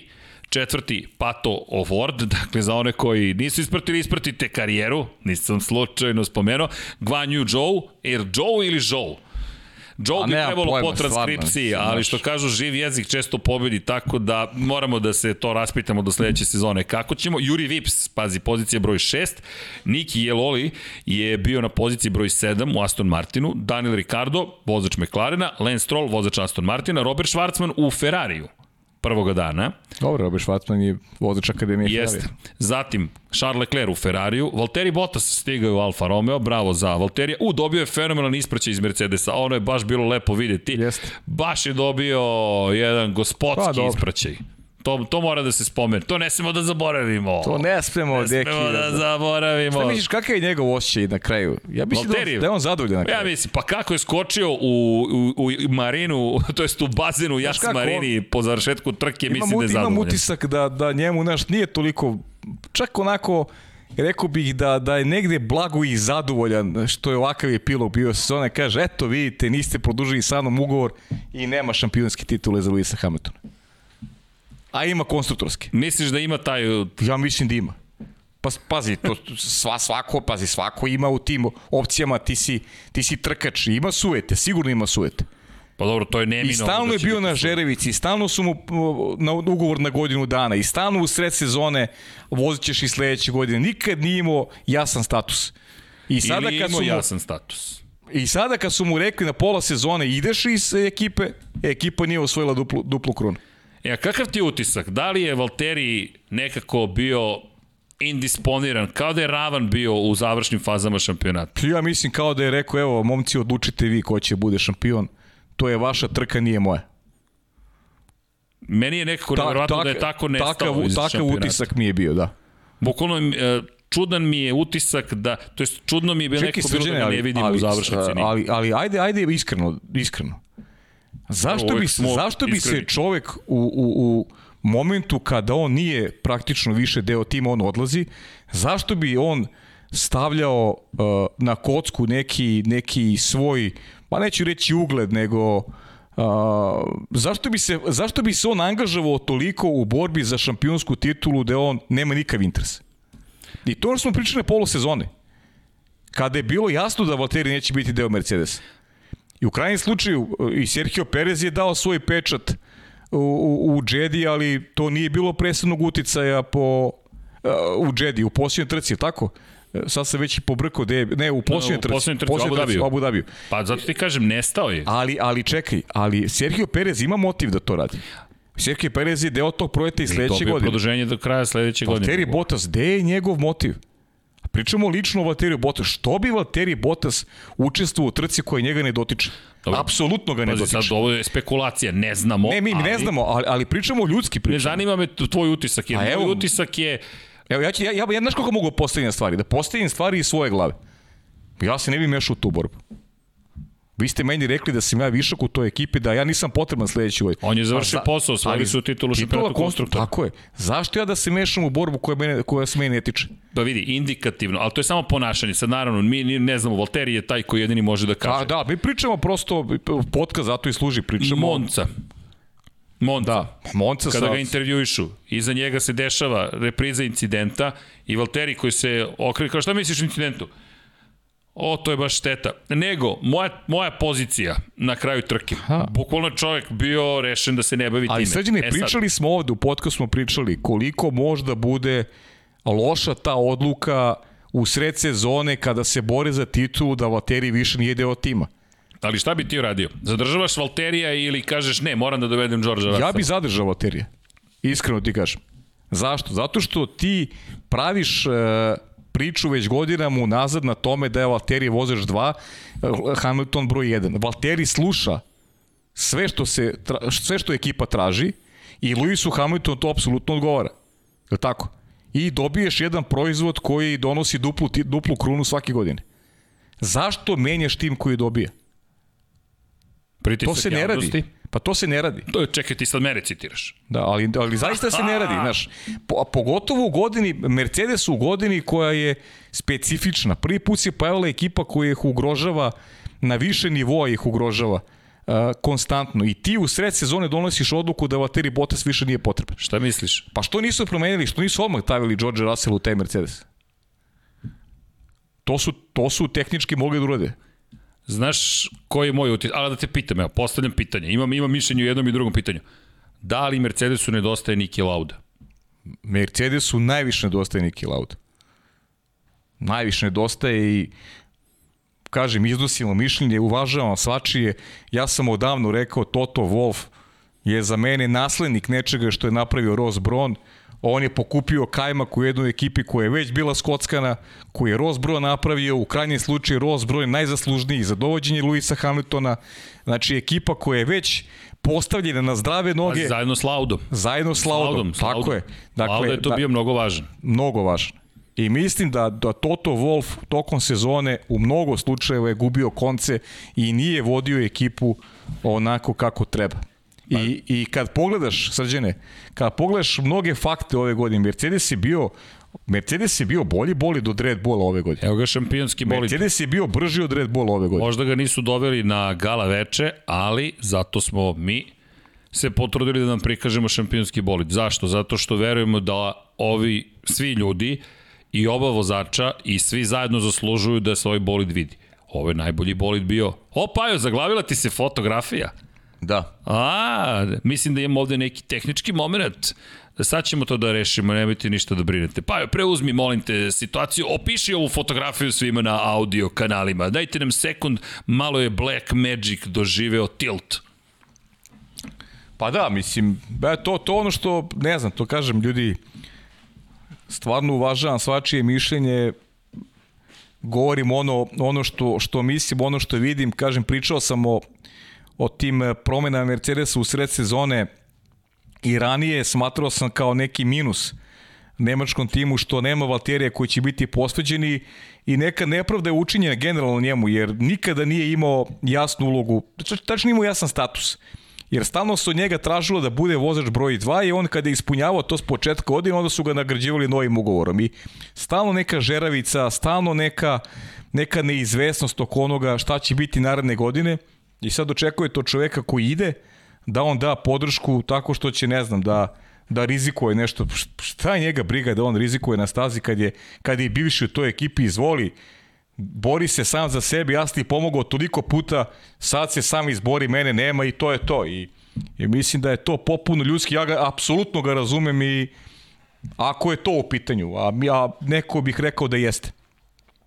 Da jednostavno se sklonio iz borbe koji su vodili Max Verstappen, Lewis Hamilton, s druge strane Sergio Perez, on imao interes da se skloni iz borbe, jer to je njemu kupovina, nova kupovina pozicija u Formuli 1, ostanak u sportu koji voli, jer šta će Čeko Perez sutra kada ne bude vozio za Red Bull? Mislim da će polako da bude i kraj i kraj karijere vozača u ovom sportu. I to je... Ajde, polako rešava i ti mi gledamo ovaj Luisa i Botasa i negdje mi se krije eto ta Pa da, volim, pa to osjećam se kao, kao u, sada u Belgiji.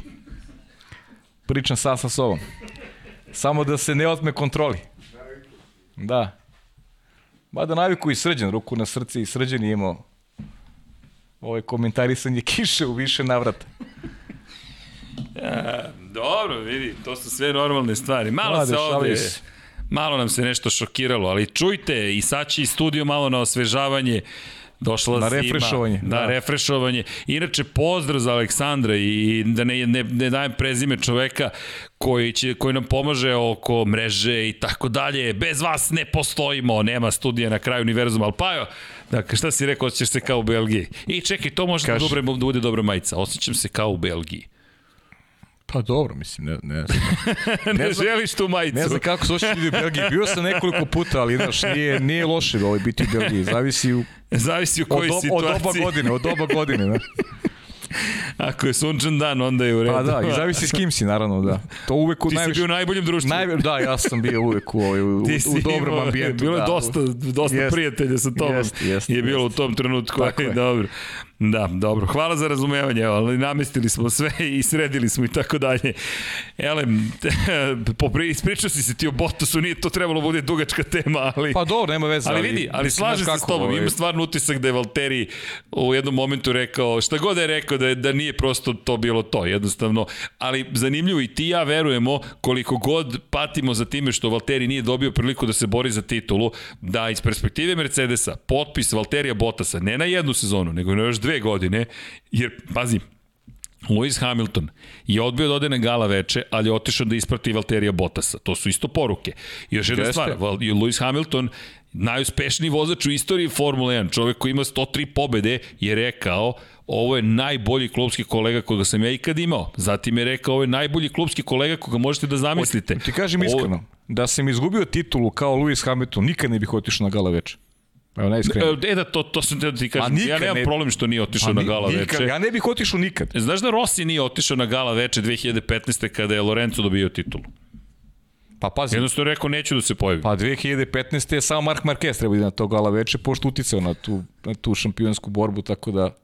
Paja je gost sutra u Motogram. Ne, mogu da vam najavim, gde je sutra, evo najava ko voli goste u Moto Grand Prix-u, stiže nam gospodin koji se zove Rade Stant zapravo, za one koji eventualno ne znaju, sutra ćete da saznate, stigli su i fotografije, sve je preuzeto i videi su stigli, tako da, evo, tu je sve, šaljem link produkciji bez brige, Radislav Mihajlov, za one koji eventualno ne znaju, tu ćete moći da vidite kako voze Stant vozači, zaista je neverovatno šta izvodi Rade Stant, interesant, daćemo vam jednu fotografiju čisto da malo zagolicamo maštu, ali je zaista fenomenalno bilo videti čovek koji, koji radi neke posebne stvari, zašto? Hoćemo da otkrijemo ko, koji su sve to ljudi koji postoje ljudi oko nas, koji se bave automotosportom za koje možda niko živi zapravo ne zna.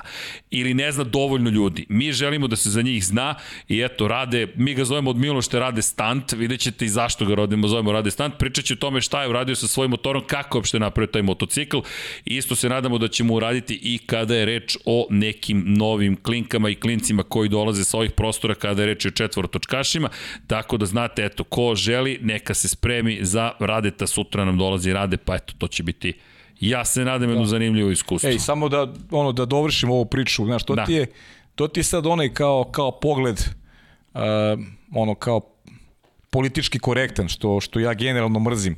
Uh, meni je Lewis Hamilton nedolaskom uh, na, na gala večeru veći. Znaš zbog čega? Nije otišao se folira i da u odelu glumi kako je sve ok, izgubio titul u posljednjem krugu, nego jednostavno se ne osjeća dobro i naravno se ne osjeća dobro da prisustuje gala večeri u situaciji kad je izgubio titul u posljednjem krugu. Njemu jednostavno tamo nije mesto, tamo je mesto šampionu, a ne nekom koji je izgubio e, titul u posljednjem krugu u trci gde je vodio od, od početka do kraja. Znaš, to je samo ljudski pogled, ništa više. I, ne, I mislim da Ta, ne treba da ga kazne, iskreno. Ma kakva kazna, to, to, bi, bi, to bi bilo smešno. Ono, I mi se to neće dogoditi, to samo priča. Možda će ga finansijski nešto kazniti, da, to će to, su, to su smešne to. I to je u redu. Nisi ispoštao protokol, neki pravilnik određen nije, ali da to poredimo sa situacijom na stazi, nemojte molim. Ma, Pri čemu, to su ti sad bukvalno one situacije. Ako se ponašaš kao stari šampioni, ne valjaš, ako se ne ponašaš kao stari šampioni, ne valjaš. Pa jel pojenta u ponašanju ili mi ne valjaš a priori. Dakle, slažem se s tobom, zamisli u neko drugo vreme Ayrton Senna, Alan Prost. I Senna kaže, neću da dođem. Ili Prost kaže, neću da dođem. I, okej, okay, to je legenda Naravno. o Ayrtonu Senna i Alanu Prostu. Tako je. Neće da dođu. Ne, neće dođi. Mislim. Neću da dođem. Šta će na gala večeri izgubio sam sezonu u posljednjem krugu, idem na gala ne, večeru i, posljednju, i, glumim, ka, i glumim kako sam super, kao smen se nekom. Mislim, to, to bi bila gluma neću dođem jer snoćem dobro i doviđenja prijetno i to je, to je ljudska reakcija. Da, da se mi vratimo inače testu mladih vozača, jer tu smo Idemo. bili i onda smo digresirali negde. Da? Hoćete da pokažete, evo produkcija mi pokazuje, evo da vidite, rade naš rade stant, možete da vidite šta piše na zadnjoj viljušci. Inače, ovo je nekada, ako se dobro sećam, bio Kawasaki. Pretvorio ga je u sobstveni motocikl rade i eto, sutra ćete saznati čovjek koji živi u Zrenjaninu i koji je često zapravo na svetskim scenama, kod nas se malo priča o Rade tu, inače je, je izvodio akrobacije i pred početak velike nagrade Holandije u Moto Grand Prix u Asenu. Tako da u Holandiji su ga i tekako pratili, vrlo ozbiljan jedan vozač, samo što je njegov način nastupa drugačiji odnosno na ono što mi inače prenosimo. Inače, mladi vozači nisu naravno sve, kao što možete da čujete mladi. Antonio Foko je bio tu, Yuki Tsunoda, Logan Sargent za Williams, da, Esteban za Williams. Oko, On je skoro, od skora je jeste. član Akademije Williams. Amerikanac koji je baš da. bio brz u Formuli 3 i u premi pogotovo prošle godine. Tako je, izgubio je svoju poziciju, ali bez obzira na sve to, mi mu držimo palče. Pa do, dolazi i... sa tog tržišta koje je Jeste. Interesantno i ima talenta, pa vidjet ćemo šta će biti. E, kada spomenješ Premu, moram da napomenem jednu bitnu, veliku vest, možda je to i glavna stvar koju treba da spomenemo. Dino Beganović je produžio ugovor za 2022. sa Premom, tako da će biti u popularnom Frecu, Formula Regional European Championship. Pa, znaš šta to znači u najavi? To znači... Da će možda Dina gledati u, u premiju, Tako je. u trojice za početak. Tako je. Inače, bilo je mnogo pitanja da li ćemo zvati Dina Beganovića, pišemo njegovom bukvalnom on menadžeru. on je u Ferrari u akademiji. Jeste. Postoji ta jasna veza sa premom, tako da bilo bi super. Za Dina bi to bila ogromna oskočna daska kada bi se pojavio u, u, u premiju Formuli 3. To ogromna stvar. To vam je mm. najbolja ekipa. I to vam je ozbiljan test. To kada Jest. se desi, Jest. vi kažete, ok, mi dakle sada moramo da se borimo za titul. Ako ne u prvoj sezoni, u drugoj obavezno, ali čak i tu je vrlo zahtevno s obzirom na činjenicu da kada ste u premiju 2 se odmah očekuje ozbiljna borba. Pa, instant inače, rezultati se očekuju, da. Tako je. Inače, očekuje se da Paul Aaron bude uz njega ponovo kao što je bio i ove godine, neko ko ima vrlo bliske veze sa Mercedesom. A očekujemo i Filipa do kraja godine da nam dođe da nam obelodani da nam šta se dešavi. Da. Gde smo, šta smo? Kao Tako ne je. znamo, ali nema veze. Dobro, Nećemo okay. da pričamo. Njegovo je da kaže. On će da kaže kaže, ne priča mi njegovo ime. Jao, znaš šta se još desilo, ljudi, od velikih vesti, e, Formula E, ali koja Formula E? Student Road Arrow Formula Student predstavile prvu formulu, električnu formulu sa Beogradski univerzitet je u pitanju, sedam fakulteta, često, često kažemo mašinci, nisu samo mašinci, sa fona, sa filološkog, ne znam sa kojih sve fakulteta, metaloško-tehnološko, jao, e, moram da ti nešto... Vidio sam da si bio, znam. Vodio sam program. A normalno. Bilo je... Ko će drugi? Pa naravno, u amfiteatru mašinca, a ja ne diplomirani student večiti, bilo je previše snažno. U amfiteatru posle 26 godina napisali su mi klasičan korporativni scenariju. Bravo. Poštovani, bravo, Pa dobro, znam da se nisi pridržavao. Pa naravno, kako su A, pogrešili. A, poštovani skupe, mi želimo da se obratimo, rekao, stvarno, ovo, će, ovo ćemo do večeras da radimo, rekao, nema šanse. I, ovo, i sedi tu de, prodekan za nastav, prodekan sedi, sve su profesori i doktori, ali pravilo ne govoriš doktori, nego profesori. Ja profesore doktori, rekao, stani, nije top lista nederalista doktore Ćimiću, nemoj da ti izleti nešto slično. I ja krenem, rekao, profesore, rekao, dekan mašinskog novi, pa stari dekan mašinskog, pa dekan tehnološkog, metaloško-tehnološkog, rekao, metaloško-tehnološkog fakulteta, rekao, znate što je zajedničko za vaše dva fakulteta i sad ljudi pokušavaju nešto naučno. Kažem, ne, što sam bio student i kod jednih i kod drugih. pa trebalo izbeći služenje vojnog roka, onda upišeš fakultet. u to vreme i tako. Pa da, Bilo zabavno. Onda sam upisao filološki, stigao sam do četvrte Japana, japanskog i tu sam stao. Znam ja tvoj razvojni put, to je dobro. Previše dobro, ponekad boli glava. Jeste. Ali bilo je jako, pazi, dva prodekana, ja ih najavljujem, propali student. Da, jedan ispit. To, to je u redu. Profesora Kratice, programiranje na mašinskom fakultetu. Znaš da ni ne znaju novi klinci ni klinke ko je Kratica. Nemaju pojma. A bio čuveni grafit Jozef ja K. Ja ti stalno pričaš koliko si omatorio. Ali dobro. Neviđeno koliko sam omatorio. Dobro, tvoj profesor je još pamet. Ma, ti si lud. Naravno. Ti si se opisao ko je? Do, od 2007. Sedme. Idemo na osmu. Idemo na osmu. I tako, tako da ljudi, nama je bilo zabavno u prethodnoj nedelji, ne zamerite, ali I kako to je... to izgledalo? To je... Izgledalo ajde. super. Ljudi su uradili neviđen posao. Ljudi, ljudi su napravili od ugljeničnih vlaka na delove. To delo je tako jednostavno kad čitate Ferrari napravio, McLaren napravio. Ne, ne, ljudi, mi pričamo o, o fabrikama Formule 1. To su neverovatne fabrike. Haas je preozbiljna fabrika. To samo pocenjivački stav, ako zauzmemo, možemo da Ma posmatramo sa nipodaštanjem. E da. Gina Haas da pocenjao. I ne samo Gina Hasa. Dobio sam pitanja zašto se Nikola Latifi borio za svoju nevažnu poziciju na, u Jas Marini. Ljudi, upravo to je malo pređašnji stav da se nije trkao, rekli bismo on je sin milijardera, on se ni ne trka i tako dalje. Zato što se trkao, sada je to problem. Ne. Baš poštojem i što su se i Mick Schumacher i Nikola Latifi trkali. Da li je šteta za Luisa Hamiltona i Mercedes ogromna što se slupao? Jeste. Da li je to pozitivno za Red Bull i pa, Max Verstappen? Ali, ali, ali znaš, imati trkali su znaš se kako, ljudi. Teoriju, to je suština teorija svega. zavere, ok, da, da se to dogodilo Čeku Perezu ili da se dogodilo nekom od korisnika, od korisnika Alfa Taurija, ja mislim da bismo pričali u narednih 10 godina kako je to urađeno namerno. Ali, znaš šta, što se dogodilo sa Williamsom Nikola Latifija koji koristi Mercedes? Ali on je morao da se trka. I... Njegov posao je da se trka za ekipu Williams Grand Prix-a. A šta bi trebalo jedan trkač da uradi? Da sedne i kaže, pa dobro, ja nisam ni bitan ovde na ovoj stazi. I pritom, zašto mislite da je Nikola Latifi uopšte razmišlja o tome gde su na stazi Max Verstappen i Lewis Hamilton. Zašto mislite da to njega zanima uopšte? Što bi to njega zanimalo? Ima svoju trku. On ne može da bude ni Max Verstappen ni Lewis Hamilton, on ima dečko svoju trku i sada prolazi ono kad gledam, ali opet kažem ti, to ne, ne, su samo hoću da kažem, strasti, treba da to vređenje i pretnje, to ne, ne, ne, čak ni to. jezivo. Samo hoću da kažem, dobio se pitanje zašto se trka, zato što je trkač. Tačka. Pa trka I ako se, se za svoj trka, ulog.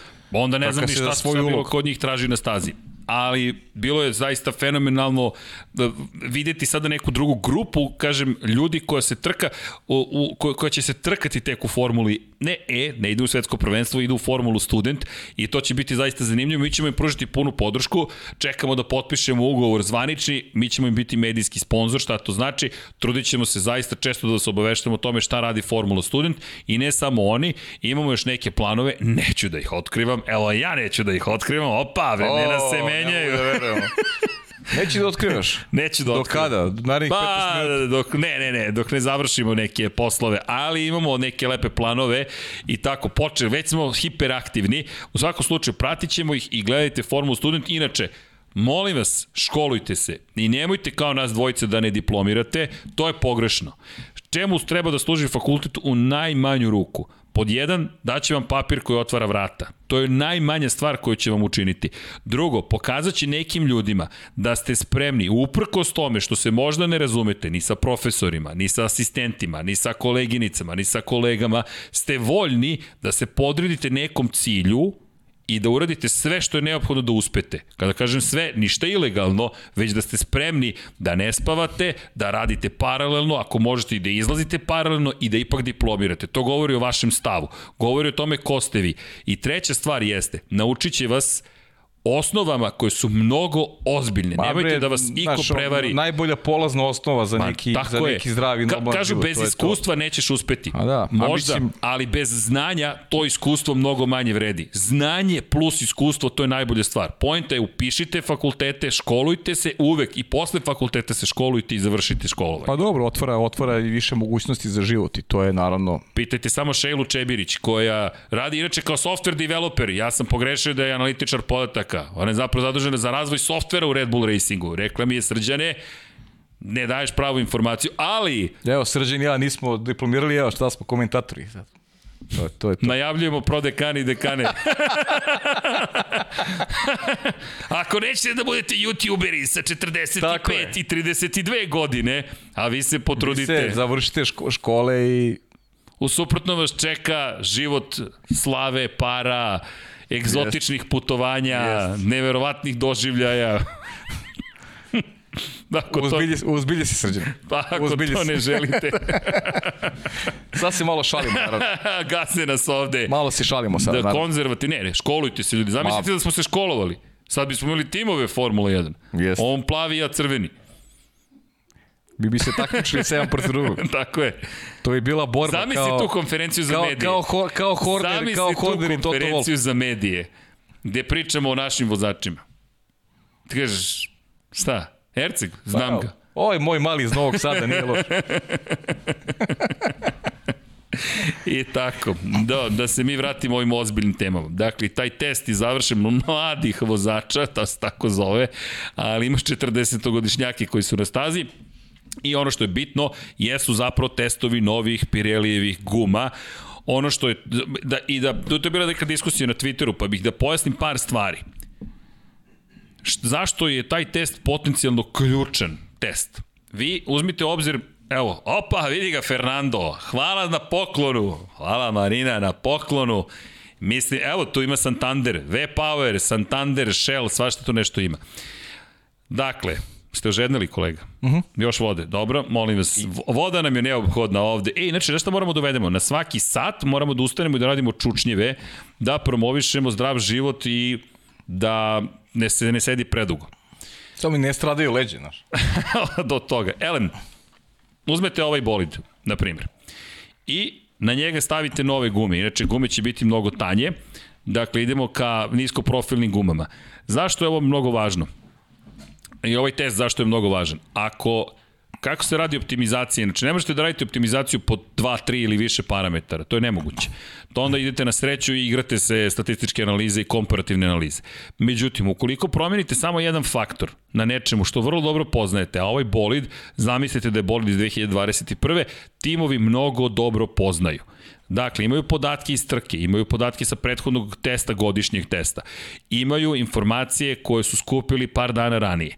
I vi sada na ovaj bolid stavite samo druge gume. Da, imate četiri očigledno točka, tako da je to do nekle kompleksnije, ali opet je to promjena jednog faktora. Šta dobijate tim što prosto ste promenili jedan faktor i na ovogodišnji bolid stavili gume za sledeću godinu. Dobijate informacije o tome koliko drugačije ove gume se ponašaju kao aspekt oslanjanja i kao aspekt aerodinamike. Ne zaboravimo da ove gume, koje su prilično debele, sočne su, masne, možda na ulici niko ne želi takve gume da vozi, ali decenijama se koriste u Formuli 1. Korelacija između njihovog ponašanja i vašeg oslanjanja i samog bolida je prilično dobro poznata timovima. Zatim, ove gume, pošto su pune gasa, da li je to azot ili je vazduh, u ovom trenutku nije toliko bitno, imaju mnogo veću zapreminu tog gasa u sebi. I samim tim one služe kao e, element koji amortizuje udare, pogotovo preko ivičnjaka. Sledeće godine, uz niskoprofilne gume, ovi elementi će biti mnogo tvrđi, mnogo manju ulogu amortizacionu će igrati u samom bolidu. Šta to može da, kako to može da utiče na sam bolid? Može se desiti da će oslanjanja biti samim tim mnogo mekša na samom početku, što automatski znači da će njihova promena smera kretanja biti slabijih performansi nego što je ovogodišnja. To je samo početna stavka, ali iz perspektive komparativne analize, pošto ste samo ovo promenili, vi pustite vozača da vozi krugove koje je već, već vozio na ovim gumama i gledate da odveze na isti način kao što je odvezao sa gumama starim, da odveze nove krugove. Na taj način vi kažete vozi tom i tom brzinom, prolazi tim i tom i tom putanjom kroz svaku krivinu i onda napravite poređenje i vidite kako se boli drugačije ponaša. Još jedna stvar, kako je obstrojavanje vazduha? Kada najđe vazduh, jel te, ajde da kažemo na, na ovu gumu ovde, kakvo je ponašanje? Neke stvari bi trebalo budu identične, ali neki sigurno neće biti. Još jedna stvar, kako će biti hlađenje? kako će uticati na same kočnice. Gledali smo timove kako koriste kočnice za 2022. Dakle, to su mnogo važni podaci koji su već skupili. To su prvi podaci o bolidima za 2022. koji dolaze sa staze. Dakle, ne dolaze iz simulatora, ne dolaze iz vazdušnog tunela. Zato je ovaj test bio mnogo tehnički važan i važan je takođe bio za neke nove vozače da su poznali sa Formulom 1 i bio je važan iz perspektive onoga što očekuje vozače sledeće godine da osete takođe te bolide. Tako da test možda deluje kao formalnost na po završetku sezone, nije. Mi nismo slučajno napisali da je nova sezona već počela, zaista je već uveliko počela. Pa počela je još dok je trajala ova prethodna sezona. Jeste. Da. Jest. Znamo šta nas čeka, velike promene i eto prve neke informacije, podatke smo dobili, nisu baš, da kažem, negde, ne, ne mogu da nam konstruišu ono što, što, što bi mogli da gledamo naredne sezone, ali svakako eto imamo neki, neke prve, prve naznake prve naznake sezone koje kreće 18. marta, tada su prvi trenizi i naravno da svi jedva čekamo da ponovo budemo usedli da uživamo u, u jednom dramatičnom momentu svakako koji, koji nudi ta, ta nova era formule. Da, ima tu do, dosta zanimljivih stvari. Kada govorimo o, o priprema za 2022. Ove godine mi smo prisustvovali jedinstvenoj sezoni iz perspektive razvoja bolida koji de facto su već zastareli. Bolidi koje smo sada gledali na vrhuncu svoje moći danas su zastareli bolidi. Jeste. Oni čak ne mogu da ni da budu dovoljno dobra osnova za 2022. I iz te perspektive ogroman je ovo bio izazov pred timovima da se pripreme za 2022. I zato je sada već po period razvoja toliko i možemo reći užurban i već uveliko počeo. Šta se događa? E, bitna napomena, kada govorimo o 2022. godini, kada pogledate šta, s čim su se sve suočili ove godine, meni jedna priča takođe dosta štrči i to priča o Mercedesu kako nije upotrebio svoje žetone razvojne, to je stokine čuvene tokom ove godine. Da ne zaboravimo i taj moment. Dakle, mi smo imali situaciju u kojoj, samo da znate, mislim da će Black Magic da se šlogira ponovo. Čisto da znate, slobodno ga otkačite, stavite neku, stavite, bo, stavite Bottasa ponovo i Luisa Hamiltona, to je šampionski bolid, tako da ne znam zašto, ali nešto Black Magic danas igra svoje igre, pa ako vidite da nam se sinhronizacija razdvojila, samo pustite imidž i onda ćemo mi to, o, može, rade stant. Ovo je trik kada da znate, ako se odjednom pojavi fotografija u sred nekog, neke emisije, to znajte da je Black Magic, da su gremlini ušli u Black Magic, ali pazi, šta se nije desilo. Prošle Pazi. nedelje, kada je bila najveća gledanost, sve je funkcionisalo. Zašto? Zato što je ova ekipa Infinity Lighthouse-a. Šta se događa? Opet se šlogirao. Nema problema, sad ćemo mi to do... Da, znate šta uradite? Ubacite, sad, će, sad ćemo ti to da sredimo. Sad ću ali, dođem. Sad ću dođem, ali moramo pre toga da sredimo nešto drugo. A to je zašto Mercedes... Može Mercedes fotografija? Adekvatne? Molim vas. Zaista je bitno da bude Mercedesova fotografija, ali dok vi koleginice pripremate to, kolega, možete vi da preuzmete na kratko, možda je neko pitanje stiglo. Pa ima više pitanja koje su ovaj, stigla. Ja bih ovaj, eto, iskoristio priliku da pozdravim, e, prati me sada srđene, prati me. Čisto da znaš kakvu podršku. Da pozdravim futbolera Crvene zvezde Milana Gajića, inače momka koji je 2015. godine igrao za reprezentaciju Srbije na Novom Zelandu kada osvojena svetska titula, zaista jedan lep rezultat i Milan koji prati redovno Formulu 1, veliki pozdrav za Milane, sve najbolje u karijeri, piši uvek, drago mi je što pratiš. Evo, ovo je drugi, drugi futbaler koji nam onako, onako nudi jasnu podršku i gleda Formulu 1. Vukan Sevićević nam piše vredovno iz, iz Turske i pozdravlja nas Milan, pozdravlja cijelu ekipu, kaže da uživa da gleda formulu, da prati redovno podcaste i pita da li smatramo da je ovo igra Mercedesa oko nedolaska na gala veći i svi napisi i komentari zapravo jedan uvod u sledeću godinu, tači je početak pritiska na cijelu organizaciju Formula 1. Kaže, mislite da pokušavaju da spreme teren za sledeću godinu gde će svaka sporna situacija u očima ljudi iz direkcije trke morati da prođe uz osvrtanje na kraj prošle godine iz sporne situacije iz Abu Dhabija. Stičem utisak da nas sledeće godine čekuje jedan sudijski fijasko jer smatra da će se svaka sporna situacija gledati kao vid ispunjenja prema Mercedesu. Veliki podraz za sve, najbolji ste. Milane, hvala ti puno i piši kad god imaš ovaj, nešto vezano za Formulu 1, a mi pratimo i tebi i želimo ti najbolju, sve najbolje u tvojoj karijeri futbolera bez obzira što si u crvenoj izvesti. ovo za kraj, ovo je na kraju. O, ovo ja da mu dodam Imaš na kraju. neki zvezdaše ovde, ja mislim, u studiju.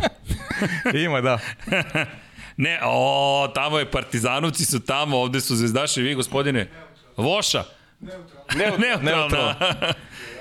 Da, fe, da Ferarijevci Hoćemo- hoćemo imamo da jednog predstavnika. Da, hoćemo da govorimo Milanu, a? Da, pa hoćemo. Da, mislim da ste Milane u pravu. Mislim da ovo jeste nastavak zapravo, to je početak ili nastavak ove sezone. To je pritisak koji će se vršiti jednostavno, samo zamislite sledeću situaciju. Sad ne mislim da je, da je ikakva tuga, sad da, da li tuga postoji, apsolutno. Verujem da svakomu u Formuli 1 bi bilo tragično na, na, na, na, na, taj način da izgubi titulu. Bilo koja ekipa da je u pitanju. Samo zamislite sebe u sledećoj situaciji. 22. je trka. Vi ste se vratili u igru, imate krug do kraja, sezone, i treba da osvojite osmu titulu kao prvi čovjek u istoriji sveta koji je to učinio, dominirali ste trkom, uradili ste manje više sve besprekorno, Mercedes je mogao da povuče neke poteze bolje, ali i dalje ste uradili dovoljno da budete u igri. I tri četvrtine kruga, dve trećine kruga pre, pre, pre kraja sezone vi izgubite titulu. To je srce da vam se slomi. Fabrika, zamislite samo navijače Mercedesa, verujem da im nije dobro, bukvalno. Zamislite Tota Wolfa, verujem da mu nije dobro. Ali, Toto Wolf takođe je pokazao da je vrlo jedan surov izvršitelj, u kom smislu? Izvršni direktor. Bukvalno i da će, kao i Christian Horner, okrenuti svaku priču svoj, iskreno, svako od nas bi morao to da učini na toj poziciji. To nije zamerka, to je samo opis onoga što se događa. Šta mislim da Wolf radi sada? Da koristi tu priliku gde ako je njegov tim žrtva ili njegov vozač žrtva, nije ni bitno da li on to veruje ili ne veruje. Point je da vi to sada iskoristite. To ovo Milane što ste pitali, ja mislim da je ovo samo već početak uveliko sezone i vršenje pritiska na FIU, jer koja poruka je poslata time što nije otišao bolid Formule E? Poruka je da nije samo tim, to ono što smo rekli na početku nezadovoljan, već ceo Mercedes, ceo Daimler. A mi stalno pričamo o tome da li će se pojaviti novi proizvođač u Formuli 1. Zamislite ako Daimler kaže, pošto Red Bull često se igra sa time, Helmut Marko, pa možda ćemo da izađemo iz Formule 1. Zamislite Mercedes da kaže izlazimo mi iz Formule 1. To delo je kao sitnica. Ljudi, to je tektonski poremećaj. Pa da, to su Williams Mercedes, McLaren Mercedes, Aston Martin Mercedes, Mercedes Mercedes. To je osam sve- motora, osam sve vozača. se, sve se slažem i pričali smo o tome na početku i, i dobro zapažanje i Milanovo da ja tako mislim isto da je ovo samo pritisak i priprema terena za ono što nas čeka u 2022. godini. Inače, kada pričamo, kažem, samo bih volio da, da tu priču iskoristimo, da ove godine tokene nije iskoristio Mercedes. Mercedes je zapravo rekao na početku godine da su iskoristili tokene, ali neće da kažu na šta su iskoristili. Na kraju Mike Elliot, tehnički direktor sezone, sada rekao izjavi za autosport, zapravo za motorsport.com, da na kraju nisu ni upotrebili ono što su mogli u kontekstu razvoja. Često se priča o tome da je Mercedes zapravo dobio najviše u tom direktnom duelu sa Red Bullom izmenama konstrukcije guma, i samim promenama kada je reč o načinu na koji se kontroliše zadnje krilo. Međutim, šta se desilo? Desilo se zapravo u celoj priči da smo dobili ekipu Mercedesa koja zapravo, i ja bih se vratio na taj bolid ako možemo tu fotografiju da vidimo. Zašto? Zato što taj bolid zaista zaslužuje da ode u anale i prošle godine i ove godine. Dakle, kao bolid koji je jedan od najupečatljivih bolida koje smo videli u istoriji Formule 1. Jednostavno, ovi bolidi sledeće godine će vjerojatno biti srebrni, dakle ovo je poslednja godina kada su crni i makar je to bila naznaka u Mercedesu, ne znamo da li će ostati pri tome ili će se nešto promeniti, ali ovo su zaista bilo koji bolid uzmete lepotici. Međutim, ovo je bolid koji je doneo osmu za redom titulu Mercedesu. I sad šta je fascinantno? Ovaj bolid zapravo je u velikoj meri bolid koji je nastao 2020. godine. S obzirom na činjenicu da nisu koristili te razvojne žetone, Elliot je rekao da je plan bio da promene nos, prednji kraj i da na, kada otkriju zapravo kako se ponaša pod, kako se ponašaju gume, da će na osnovu toga zapravo razvijati prednji kraj, to jest nos. U momentu kada je Pirelli rekao, zajedno sa Formulom 1, da moraju još da porade na razvoju guma, činilo se kao da će to pomoći Mercedesu, što u jednoj meri jeste učinilo, to desilo se, s druge strane, Mercedes izgubio mogućnost da dalje razvija svoj bolid. Tako da odjednom tim Mercedesa imao situaciju u kojoj koristi bolid iz 2020. u velikoj meri i pokušava bez korišćenja tokena da ostane u igri. Fascinantno je šta su postigli, Fascinantno je šta su postigli i moram priznati da sve čestitke Mercedesu iz perspektive ovoga što, što je učinjeno. Kada je reč o sledećoj godini, naravno, ne znamo šta će biti. E sad, šta bih primetio kada je reč o sledećoj godini? Alpina i promene na nivou ljudstva.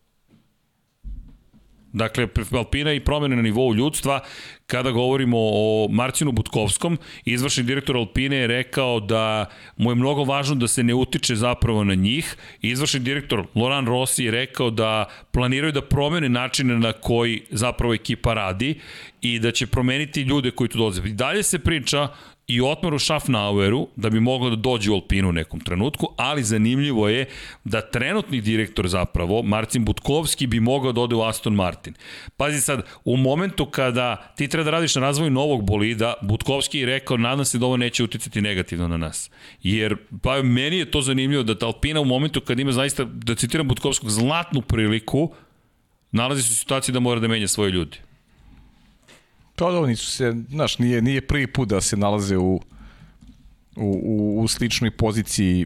Alpina je dovela dosta dobrih ljudi tokom prethodne, prethodne dve godine mislim da je to krunisano uh, dolaskom Fernanda Alonsa i ono što je, ono što, gde Alpina ima kapital, to su vozači. Mislim da je Esteban Ocon jedan fantastičan vozač i neko ko, ko ima ima budućnost da, da godinama koje slede bude i čak lider te ekipe bez obzira koliko će trajati koliko će trajati Fernando Alonso. Ono što je meni recimo impozantno kada sumiramo prošle sezone ono što definitivno ljudi koji ljudi dalje žele da pričamo o prošle sezoni. Znaš sređenje više nego nego o sledećih. Ima dovoljno ima dovoljno vremena do početka naredne godine i dalje nekako taj centralni događaj ta borba između Maxa Verstappena i Luisa Hamiltona ali i učinak ostalih vozača.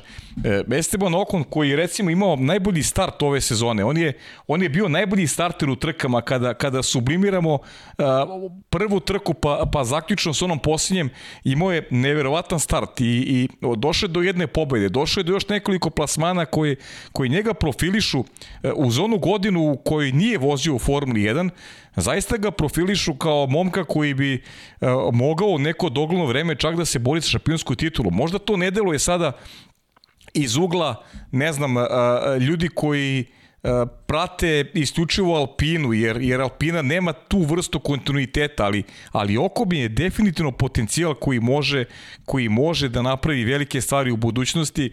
Često je ove godine bio i brži od Fernanda Alonsa, ima jedan kontinuitet koji je ozbiljan, koji je potreban za, za, za ostanak u ovom sportu i ta, ta francuska škola vozača, rekao bih da, da, da tu možemo da tražimo i, i u neko dogledno vreme i kandidata za, kandidata za osvajanje titule. Alpina im je, da kažem, glavna baza, tu ćemo sad imati Oskara Pjastrija, vidjet ćemo šta će biti sa, sa Teom Puršerom i neko, to je moj ipak utisak vredniji od, od, od nekih momenta koji su vezani za samu organizaciju Alpine, jer, jer ne verujem da će te neke promene koje se dešavaju unutar tima dramatično uticati na na ne znam komponente tog bolida na na činjenicu da da da Alpina a može da napravi jedan ozbiljni iskorak jer oni imaju podršku veliku podršku francuske države Renault jedini korisnik, Alpina je praktično jedini korisnik jer novih agregata i ja zaista vidim jednu lepu budućnost kada govorimo o, o Alpini. Mislim da su oni ključne stavke e, u dovođenju e, dobrih aerodinamičara, e, ljudi koji rade na opređenju bolida uradili tokom prethodnih sezona. Da su ovo sada više neke kozmetičke promene nego što pričamo o nekim konkretnim ovaj promenama koje, koje će možda negativno uticati na njih. Mislim da su postavili jednu jasnu bazu iz koje će da crpe budućnost, a mislim da je njihova baza pre svega uh, onako utemeljena na kvalitetnim vozačima koji imaju uh, upre svega, rekao bih, Estevanu Okonu jer ja njega vidim kao u budućnosti kao lidera tog projekta, a onda dolazi Oskar Pjasti, ulazi Teo Pušer, momci koji bi mogli da popune tu prazninu nakon što se e, Fernando Alonso nužno i penzioniše, jer ne zaborimo, Fernando Alonso je ušao u petu deceniju života. Mislim da čeka Renault jedan vrlo zanimljiv, intenzivan period u, u Formuli 1. Vidi, lepo si rekao, i manje više skladu sa onim što Butkovski upravo i priča i njegov komentar je zapravo da, to kaže, pored mašine za kafu, posle, pored kafemata želim da se priča o tome kako da napredimo boli, da ne ko će biti ili neće biti. Pa da, pa to je to. Je to. U, u, u samoj A znaš ko može ekipi. boli da napredi? Dobri vozači. A oni imaju imaju dobru bazu, imaju zaista dobru bazu. Ja ja ti kažem, meni su meni je impresivna sezona Esteban Okona. Impresivna ja njega e, zaista negde vidim kao neko ko, ko bi mogu da napravi velike stvari u budućnosti. Ne znam, ja i dalje razmišljam o kombinaciji Alonso i Okon. Da razumem te šta govoriš o Okonu, ali Fernando Alonso mislim da je doneo ekipi nešto što je nedostajalo. To je vera da zaista mogu da pobeđu. Pa da, ali, to što Daniel ali Ricardo mora da donese. To je pomoći Okonu. Jeste, to je pomoć Okonu. Pomoć Okonu. Ne može Fernando Alonso traje još 10 godina. Okon ne, može. Dve maksimalno. Okon može traje još 10 godina. Ko sme da ga poceni, ali Okon jeste. A ne, niko ga ne pocenjuje. Taman posle. Ko može pocenjuje srce šampiona, to niko ne može da uradi. Ali Okon ostaje tu još 10, možda 15 godina će biti u Formuli 1. On je mlad vozač. I ima taj kvalitet da se bori za, za, za najveći ulog. I, iz mog ugla. Da, inače, moram da pozdravim, izvini, Mr. Aleksa, čovjek je donirao 250 dinara, pozdrav, sreli smo se na pumpi, pozdrav sa pumpe, hvala na razgovoru, u sred noći cenim to, da li će biti prodaj opet onakav kačkit kakav si nosio sinoć crni Lab 76. E, Mr. Alex, e, Mr. Alex, ni, ja, ni ja nemam te kačket. Teme. Ni ja nemam te kačket. Mr. Alex. E, činjenica nema. Samo da se zna. To je prototip. Ljudi, to je prototip koji smo dobili. Naručili smo ih preko 100 i u junu ove godine. A dobili smo preko nula. Mi još, preko nula smo dobili. Još uvijek ih čekamo, ali smo dobili, da, bilo je čudno sa dobavljačima. Ako neko zna proizvođače kačketa, pouzdane, slobodno se javite, pišite na lab76.infinitylighthouse.com šta treba da se ispuni od zahteva, čekaj na Darth Vaderu je. Dakle, šta smo tražili? Tražili smo da kačket ima, jel te, reljefni logotip, zatim da Sa ove strane se vidi Lab 76 i Infinity Lighthouse i da ima takozvani sandvič, to je da različite boje bude gornji, donji deo i sredina. I to nam je bio cilj, dakle da, da to možemo da postignemo. Međutim, čekamo. Evo, u čekanju smo, pa sad, jednoga dana valjda ćemo dobiti sve i tako. E, kažu da secka, čekajte, dajte fotku Dom Pablo i dajte nešto pa ćemo da to sređujemo, da, da vidimo gde smo i šta smo. Secka? Da, ali borimo se sa Black Magicom večeras. Sad ćemo promo da sredimo. Pa jo, nagledat ćete se ovog Mercedesa, čini mi se. Dobro, šta da radimo? Ajmo da vidimo da li ima Dejan Andrić, naravno, Deki Deki ima i predloge, Deki uvek Pita Deki, može jedan podcast pred novu sezonu VRC-a Sigura Markovićem? Nova sezona, nove specifikacije automobila, bilo bi lepo jedan podcast posveđen VRC-u i Dakar Rallyu. A verujem da može. Sad je me sada deki ne čuje ovaj,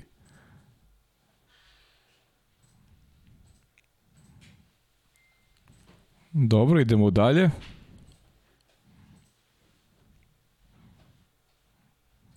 Šta još ima od pitanja? Jeste nešto mnogo aktivni danas? Sa pitanjima da vidim šta se dešava.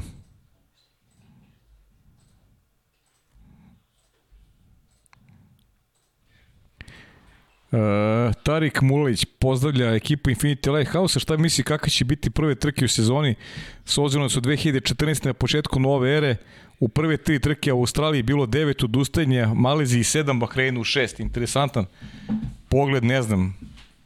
Tariče, zaista ne znam šta će biti po tom pitanju. Uh, interesantan je pogled, zaista bi to moglo da bude dramatično kada pričamo iz perspektive novih pravila i, i jedne nove ere koje kreće u Formuli 1, ali čekamo negde prve podatke i prve treninge u krajnjem slučaju, pa vidjet ćemo kako se sezona odvijeti. Mislim, meni, meni negde jeste draž velika onoga što nas očekuje, što, što ne znamo. Eto, ne možemo da predvidimo. Zaista je teško. Ja sam više onako iz te neke, e, iz nekog pogleda, kao uvek me je zanimala psihologija, to sam teo i da, i da studiram ruku na srce, pa malo, malo se time i bavim i, i pokušavam malo da, eto, negde da, da, da proniknem ono što, što bi mogo da bude po svestum uh, završnice koju smo gledali prošle sezone i, i pritom uh, ljudstva koje, koje negde uh, jeste prisutno u Mercedesu, Red Bullu, ekipe koje su negde postavile visoke domete, visoke ciljeve već uh, dekadu, dekadu iza nas, tako da mislim da i nova pravila čak to neće bitnije uticati na, na neki raspored ekipa. Teško je se pojaviti sada neko ko, koji je recimo imao loše rezultate prošle godine, a da će biti u konkurenciji za taj najveći ulog.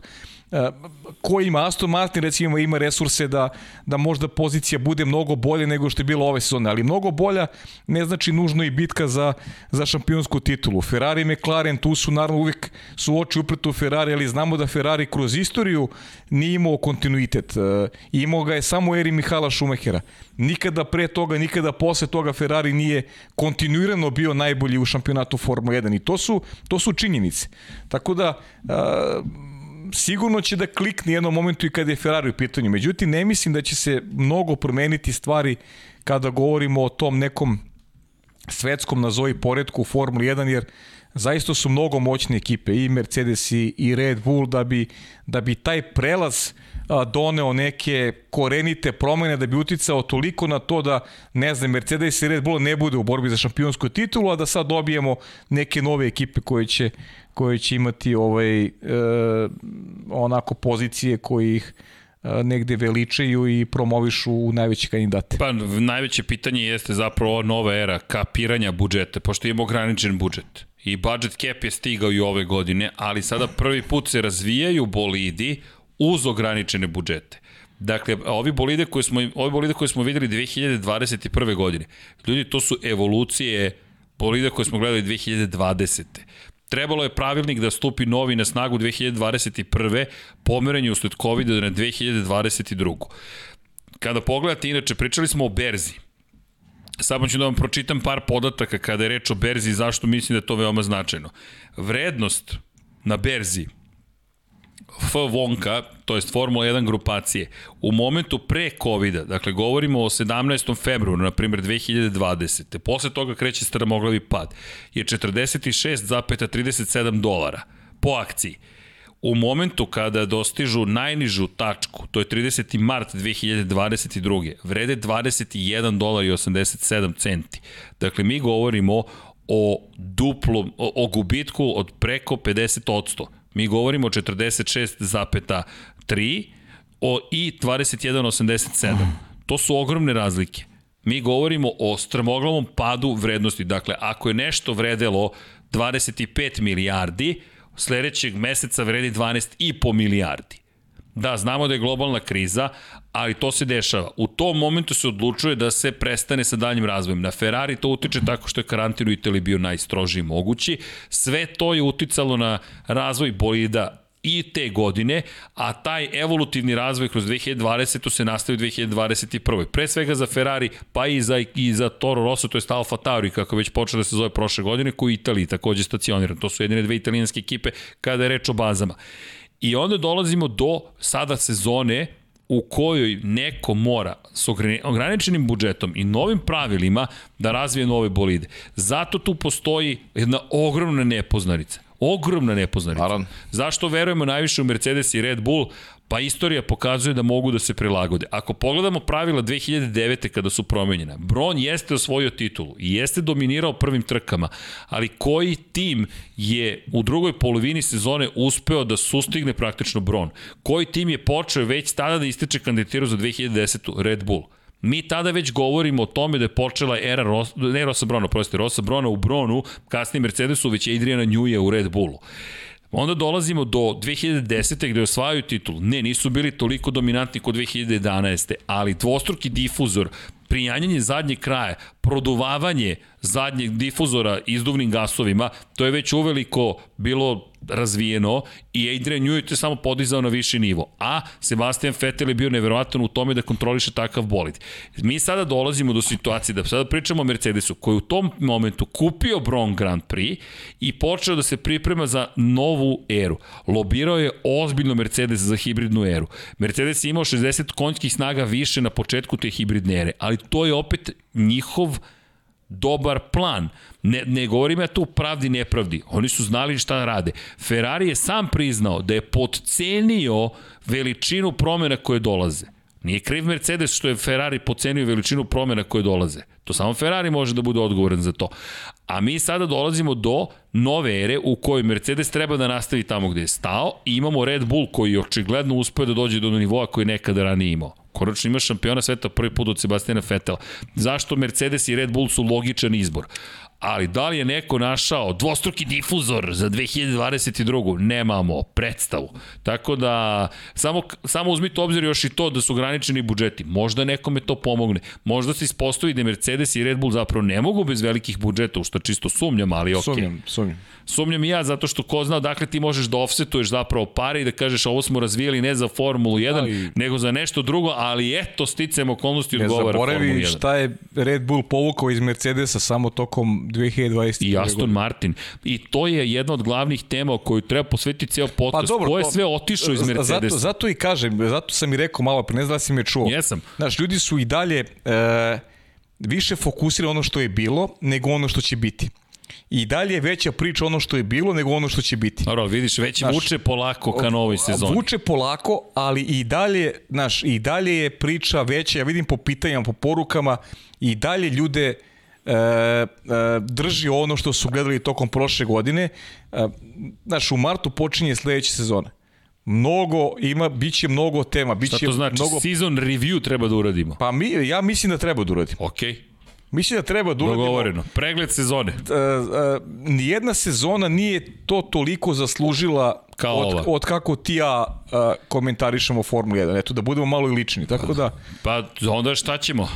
Pa za sledeću nedelju. Možemo sledeće nedelje. Kitimo da. jelku, slažemo ovo i trajemo 5 ja, sati. Ja, mi, ja mislim da, da je to najbolja taman i odjeva iz 2021. godine. Pa jo. Jer nama je profesionalno i tebi i meni i ljudima koji prate Formu 1 nam je dala mnogo ova 2021. godina u smislu neke i prezentacije sporta i, i užitka onoga što smo gledali iz nedelju u nedelju. Mislim da zaslužuje jedan poseban pečat Okay. Da, da se oprostimo od godine narednog utorka onako to u jednom tom 28. decembar. 28. decembar, jeste. Imaćemo rezultate prvog u istoriji glasanja Lab 76 zajednice za najboljeg za vozača godine po vašem mišljenju. Tako, i možemo da počnemo na vreme, odmah ti kažem, nemam, nemam vaterpola sledeće. Nema vaterpola sledeće nedelje, ne, dobro? Pauz. Ne, ne, ali za tebe ćemo pomeriti 1036 glasova. Ljudi, hvala. Ali sad pričamo i o ozbiljnom uzorku. Kada govorimo o bilo kakvoj statističkoj analizi, sad pričamo o ozbiljnom uzorku iz perspektive toga šta vi mislite kome, ko je bio najbolji vozač godine prošle. I inače, ne skupljamo podatke. Neko mi je pisao kako... Pa slušaj, da ti se ne skupljaju, kako, kako e-mail piše da je precrtan. Pa e-mail je precrtan, ne skupljamo vaše podatke. Dakle, mi ne znamo ko ste, ne znamo šta ste odgovorili.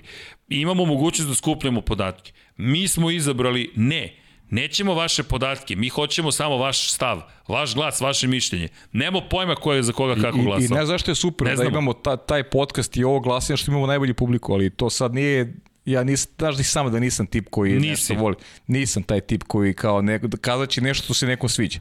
Ali za ovih 11 godina stvarno mi se a, a, a, imamo publiku koja, koja poznaje i najteže je negdje raditi ka, sa publikom koja poznaje. Znači, ovo, ljudi koji vole sport mnogo prate i poznaju Ali, jako dobro dešavanje i pomožu i nama u, u nekom kreiranju, obraćanju i tako dalje. Znaš kada?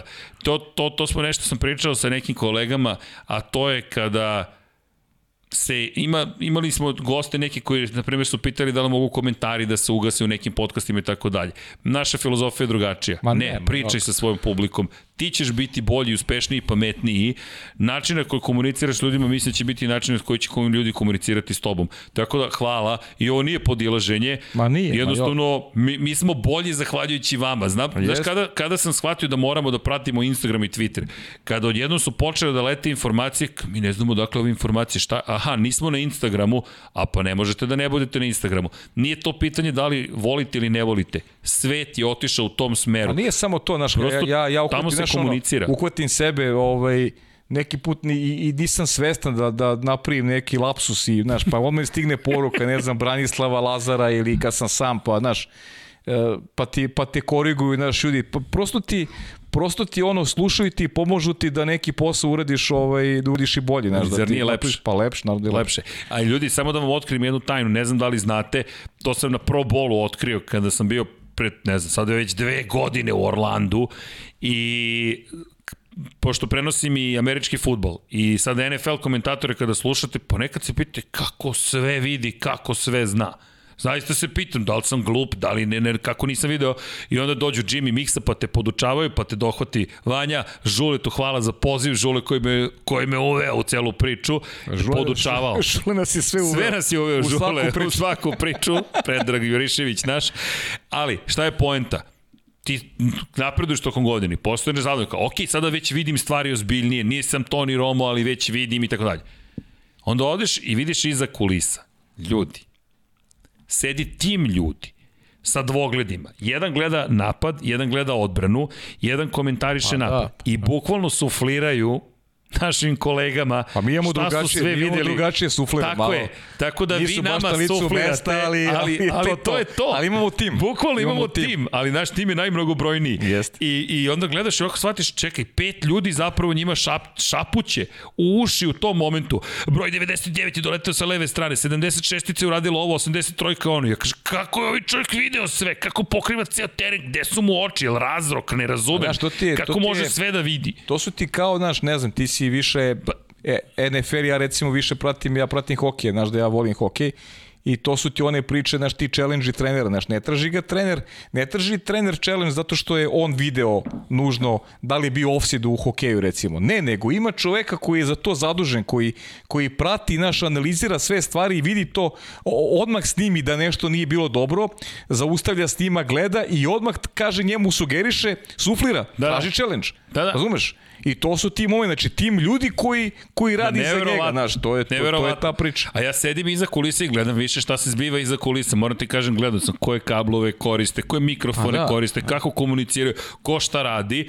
I onda shvatiš, čekaj, ljudi, nismo mi uopšte tako loši, naprotiv, čekaj, ovo je sad dobar trening.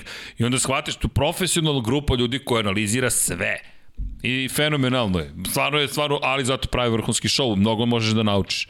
I baš je bilo lepo. I način na koji je cijel, inače, eto malo iza kulisa tamo kako je bilo, na, na crvenom tepihu, sve ekipe koje stoje, ja sam došao sa iPhone-om, pošto nisam mogu, nisam nimao ka, ata karnet za, za opremu, zatakao iPhone, čk, ubacio polu, jel te, ubacio neko predpojačalo preko Saramonika, dabavljali iz švajcarske Saramonik, pa XLR kabel i gledaju me, ali šta vam je trik? Svi su imali puški zapravo mikrofone i iz daljine niko ne zna ko snima mikrofon. Jedini sport klub je imao svoj mikrofon, duge ruke, mikrofon sa kablom, duge piše ruke. kocka sport klub i ja jedin imam mikrofon u ruci. I vidičem, može pitanje, može pitanje. I onda, iako svima drugima odgovaraju, Samo jedan mikrofon stoji ispred njih, pošto svi imaju daljinski mikrofone. I, I onda je svi imao kadru sport klubov mikrofon i moja dlakava ruka, ali to je okej. Okay. To je sasvim u redu. To je to. Evo, ovde Čari se hvataju za dlaku, za, za, hvataju za, za glavu, za dlaku. Lapsusi počinju, prošla je ponoć. Pa dobro. A počne, ti si kriv, počeli smo kasnije. Šalim se, naravno, nema yes, krivaca. Ja ali, ja sam kriv. pa jo, to znači da ostajemo ovde do 3 ujutru. Ma ostajemo dok hoćeš, misli. Kad misli? Sledećeg utorka. Ostajemo Kako dok ćemo analiziramo trk 22 trke? Nemam problem da ostajemo dok hoćeš sledećeg utorka. Okay. Analiziramo, nije problem. Dakle, ono... sledeće nedelje, Dejane Potkonjače, nadam se da slušaš ovaj podcast, ako ne uživo u snimku, spremi se. Dame i gospodo, Paja Živković vam je upravo najavio, bori se od kafane, nema ništa, piši propalo, ali zato piši pregled sezone Formula 1 Lab 76 od prve do poslednje trke. Pa mislim, znaš, kad god hoćete, misli ti možda napravimo, ne znam, kad doćemo, kad ćemo kafanu, kad ćemo ovo, ajde, hoćemo sledeće nedelje da pravimo presek. Ako idemo u kafanu pre preseka, ne znam kakav će to biti presek. To će biti Biće presek. presek kafanske izbivanje. Biće presek, potpuni, ali dobro, mislim da to nije poenta onoga što da treba bude, da uradimo. To će bude presek, ali da, ali spremi da. se malo da Jelka ovde se okiti, da bude... I evo, ja sam, ja sam samo rekao da, da, da to moramo da uradimo. moramo da uradimo, Sezone. ali mislim Ako da je savršeno godina- za kraj godine. Ok, mislim što se mene tiče. Mislim da je savršeno za kraj godine. Možemo sledeće nedelje, nije sporno.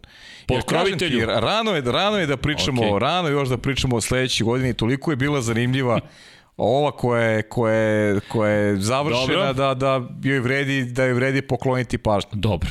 I vozimo sve 22 i, staze. I pazi šta smo još radili, evo, šta smo, koliko smo danas pričali, recimo, nismo se uopšte dotakli tih duela koji su vodili Max. Najmanje smo pričali o čovjeku koji je svoju šampionsku titulu, recimo, znaš. Eto, Dobro, danas. u njemu moramo posebnu emisiju da Pa napravimo. ne moramo posebno, ali možemo kresti taj presek sledeće godine, okay. sledeće nedelje ili kad god. Statistika, ne, sledeće nedelje, pa sve smo se dogovorili. Pa da. Zamislit ćemo da je Deki ovde i da je potvrdio. Ne znam, nije se oglasio još, možda ne gleda, možda... Ne znam da li igra Liverpool, Možda se ne, namerno ne oglašava. Liverpool ne igra Možda sada, se sad da. pravi da, da nije tu Pravi uopšte. se mrtav. Pravi se... Da, da, da, da. Ali dobro. Dobro, ma onda smo se to dogovorili, pa to je najvažnije. Pa evo, smo se, evo da. ruka, evo ruka, evo. To je okej. Okay. Kao Ruka, političari. Ruci, da. Napravili smo deal. Napravili smo dogovor, dakle sledeće nedelje pregled sezone. Pa da, mislim da polako imamo vremena da uvodimo u sledeću godinu, ima, ima Ok, pa materijala. podržavam te u potpunosti. Što da, zane, da zanemarimo ono što je bilo super i što vredi pažnju, znaš, da drži O, pažnju. Ovo će da bude preozbiljno, ali moramo na pun sat da radimo vežbe, rekao sam. Pa dobro. Da preživimo. Dobro. Ima li neko pitanje za večeras? Ja se nadam da ništa nismo promašili, neko, malo da. smo freestylovali, ali to je sasvim normalno. Ima Kada- neko pitanje, ima pitanja, ovaj kada, posti ljudi. Kada oprema malo, kada gremlini uđu u opremu. E da, glasajte ljudi, zaista, što više vas glasa, to će stvarno biti relevantnije sve ovo što radimo. Kaže Boris da radimo presik do 3 ujutro pa da zakasne na preposlednji radni dan. E, ne, Borise, mi te vodimo iz studija na poslednji radni dan. Eto. Imamo već i akciju, da. Da. dakle, radni dan se nastavlja pa u pet ujutro lagano kad završimo, idemo dalje. Evo, Vuk Božić, evo pitanje. Kaže, vaše mišljenje o tome što će posle dužeg vremena dimenzije bolida biti manje? I to je samo po sebi već dobra priča. Pa mišljenje, Implicira šta? Pa da će biti lakše i za preticanje, da će biti više interesantnih dula na stazi, to je ono što, što svi želimo. Eto, me, meni se, eto, vuče, to je ono što, što se meni dopada realno. Mislim, ne meni, dopada se, verujem svima. Da, ali pitanje, Da, da pojednostavimo stvari. da, ali pitanje je koliko će na kraju to biti, Pa, mislim- biće manji bolid, svakako, neće baš biti ovoliki, ali ogromni su bolidi, svakako, i to jeste jedan od problema. Neki od manevara koje su ljudi izvodili ranijih godina sada su postali nemogući, ne, ne samo nepraktični, nemogući. Vi imate, vi imate bolid koji je 5,5 metara dugačak. Ljudi, 5,5 metara. To je ogroman bolid. Prosto hibridna era sama po sebi je donela ozbiljne izmene u Formuli 1, način na koji se vozi. Neverovatno je naravno prija, sile koje oni generišu i bočno ubrzanje i kretanje kroz krivinu kako je, ali je ogroman bolid. Zaista je ogroman. Neverovatno je koja je snaga tih motora. Kada vi tako veliku površinu, tako jedno veliko pokretno krilo proterate kroz fluid zvani vazduh i uspete da postignete neke, ne neke, rekordne krugove po pitanju prosečne brzine. Lewis Hamilton je vozio najbrži krug svih vremena, prosečni prošle, pre dve godine u Monci ili prošle godine u Monci. To je najbrži krug ikada. Oborio je Raikkonenov rekord iz 2018. Mislim da je bilo prošle godine, a? Da, prvo je Montoin oborio rekord Kimi Raikkonen, to znamo, piše u knjizi. Milice, Mi Milica, zna najbolje. Milica, Milica zna najbolje, a onda je Lewis Hamilton to oborio prošle godine. Tako da smo mi imali eru najbržih bolida ikada, ali ponekad se ne vidi jer su zaista ko avioni, ogromni su. Čekaj da bacimo pogled na chat, izvinjam se da ne zapostim. Ajde. I, da po, I Patreon, čekaj, Patreon, molim te, moramo da ispoštujemo naše pokrovitelje. Ivane, imate preko veze neko pitanje? Ne, dobro, naš, naš fizički pokrovitelj. Ima Vladimir Radulović, ima pitanje, kaže, pozdrav Da. cijelu ekipu u studiju. Zanima je vaše mišljenje generalno povratku Alonso u Alpinu. Da li bi se vratio u Formula 1 u 40. godini, a da se ne bori za pobedu ili na kraju kraja možda za titulu sledeće godine. Mislim da Alpina ima veliki potencijal za sledeću godinu. Ja se, Vladimir, popuno slažem sa tobom da Alpina ima ogroman potencijal i ja sam možda malo više pričao Esteban Okolno i sam zbog toga što je mlađi i što jako cenim njegove kvalitete, a mislim da se nije dovoljno priča o tome. Da je jedan fantastičan vozač i posle pauze koju imao ti godinu dana, da, da, je, da je pokazao da pa što, što je rekao Deki, još oni dueli sa, sa Čekom Perezom u, u ekipi u ekipi uh, au sam mi stao mozak Force Indije. Force Indije. Force Indije. Pa bilo ih je mnogo, Racing Point, Force, Force India, India, Aston bilo, Martin. Pa mislim, neko smo posebno vezi za Force Indiju, jer ne znam, mislim E, da... jel si vezan za Force Jesam, Indiju? da, mislim ja da- imam da neku je- slabost prema Force Indiji. Pa meni je to, meni je to ona uh, lažna Toyota, tako ih zovem. Ja, ja ih, Sila Indija. ja, ja ih vrednujem, iz, Snaga ja ih Indija. nekako poredim, volim da ih poredim sa Toyotom iz onog perioda kada su Timo Glock i Arno Trulli onako bili onako jedan dobar deo, dobar faktor stabilnosti u Formuli 1, jer su uspevali čak povremeno i da se nađu i na podijumu i, i da utiču na, da utiču na šampionate, a to je radila i Force India pod, pod vojstvom Vijay Malije. Nadamo se da će to biti slučaj u nekom narodnom periodu. E, Predrag Simić, samo da iskoristimo priliku. Mm -hmm. Pozdrav za sve u studiju, pošto je vreme za analizu sezone. Eto vidiš, analiza sezone, Pa vreme. da, pa ljudi, ljudi žele to. to Zanima to me, to. vaše mišljenje za par stvari u Zagradi su moji izbori. Tri najbolje vozača, njegovi su Max, Luis i Sainz. Tri najlošije vozača, njegovi su Mazepin, Latifi i Đovinaci. Najveće iznenađenje od vozača Sainz povlaka Alonso, najveće razočaranje od vozača Ricardo povlaka Đovinaci, najveće iznenađenje od timova Ferrari Williams, najveće razočaranje od timova Alfa Romeo i Aston Martin, to jest slash Aston Martin. Nisam uspio da ispratim sve iskreno, ima mnogo podataka, ali za najbolje vozače se slažem. Max, Luis, Sainz. Slažem se, potpisujem. Potpisujem da je, da je i moj to izbor isto. E, Pa može, I moj je to Može. izbor isto. Da. može. Valtteri Pogotovo što nisam, što kraju, nisam očekivao, što nisam očekivao od Sainca da će to da bude. inspiracije. Zaista se slažem sa tim, da. Da, Sainz Pa je pazi, Sainz najkompletniji. je, Sainz je najbolji od ostalih, znaš, sa Sainz je najbolji od ostalih, Sainz je peti. Jeste. u konkurenciji Mercedes i Red Bulla biti, znaš, biti peti, to je plafon onoga što je, što je mogao da ostvari u, datom, u datim okolnostima. I to je to. I, i mislim da je potpuno Dobar dobar, izbor. dobar izbor. Najlošiji, kaže Ali se ne, Mazepin, ne, Latifi, Đovinaci. ja se ne slažem za Đovinaci. Di, Vred, da vredno je, nije vredno je loš. Mislim da je dobar vozač, da je tu više bio, često bio problem uh, Alfe u pojedinim trkama, strategija. Ne slažem se da je, Mazepin, Pazi, okay, da ti kažem nešto, ja, ja, nažalost. ja posle Artuna Sene rekao sam, na, navio sam za Kimi Rekoena. Ja Kimi obožavam. Ali, Ova godina, pa ne znam, ja bih prestavio Kimija u ovu trojku pre nego Đovinacija. Iako Slažem Kimi obožavam. Ali ovo, ovo, je, ovo, je, ovo nije bio Kimi, ovo je, ovo je bila njegova revijalna sezona. On je tu bio neko kao, ajde se, za, ajde se oprostim, znaš, uz neki fanfare i ne znam, mislim, ba- ba- baš, baš nije bio takmičar. Neko mi je bio, neko mi je bio kao turista, kao neko koji je hteo, ajde, ja ću završim ovu godinu, ali, ali vam neću dati ništa od onoga što sam bio ja. e, dobili smo kritiku, izvini, pre nego što nastavim. Pitanje je gde je Robert Kubica na spisku vozača godine? Dodaćemo Roberta Kubicu. Vozio dve trke, fakat. Dodaćemo Pa, i Roberta da. Kubicu. Okej, okej, ok, dopunit ćemo listu. Hvala. Ubacujemo i Roberta Kubicu. Broj 88. Dobro. Inače, kada je reč o, na, slažem se za Rajkonena, Revijal, zanimljivo, i Rossi i on kada su imali revijalnu sezonu. Pa ja pogledaj Rossi, isto, ja, ti znaš da ja sam MotoGP pratio zbog Rossi, ali isto ova godina E vidi, nije, nije on, mi se gledalo. Je, on, je, on je toliko umoran bio. Pa da, pa je, on je to- čovjek bukvalno išao u penziju. I Srecen srećnih okolnosti, inače naš plan je bio da idemo u Abu Dhabi, ali, nismo jel- mogli. To, to razumeš? Razumem ga. Isto ja razumem. Vidi, ja ga, mi sticam okolnosti srećnih intervjuisali smo ga. I gase se kamere i mi ga gledamo, čovjek je umoran pa je. Ma da. On ovako stoji. Da, ugasio se, do, bilo mu dosta, Samo ugasio se. da ode E, isto i kući. Kimi, znaš. Isto. Samo što je Kimi lakše slao ljudi. A da, Kimi Rossi tako. je mnogo otvoreniji. Rossi se sa svakim fotografisao, potpisao, veća je gužva, frka drama i To smo Evo, pričali u MotoGP podcastu, samo smo mu rekli Italijan. Vale, Italijan, two more days. Samo smo mu rekli two more days i on ovako. More days. Da, ovo je Italijan, I ode čovjek. drugačiji. Ali vidi, terali su ga da se fotografiše sa kolutom sira u Mizanu. Znači, lokalni gradonačelnik je doneo lokalni kolut sira na kamionetu i molili su Rosija da se slika sa kolutom sira. I ti gledaš čoveka koji je toliko pristojan da će se slikati sa kolutom sira, jer to znači lokalnom gradonačelniku. A, da. A ja razmišljam, pa aman, ljudi, to je kolut sira. Koliko god da ste ponosni na taj kolut sira. Ovo je devetostruki šampion sveta, ovaj čovjek ima 115 pobjeda, živa legenda.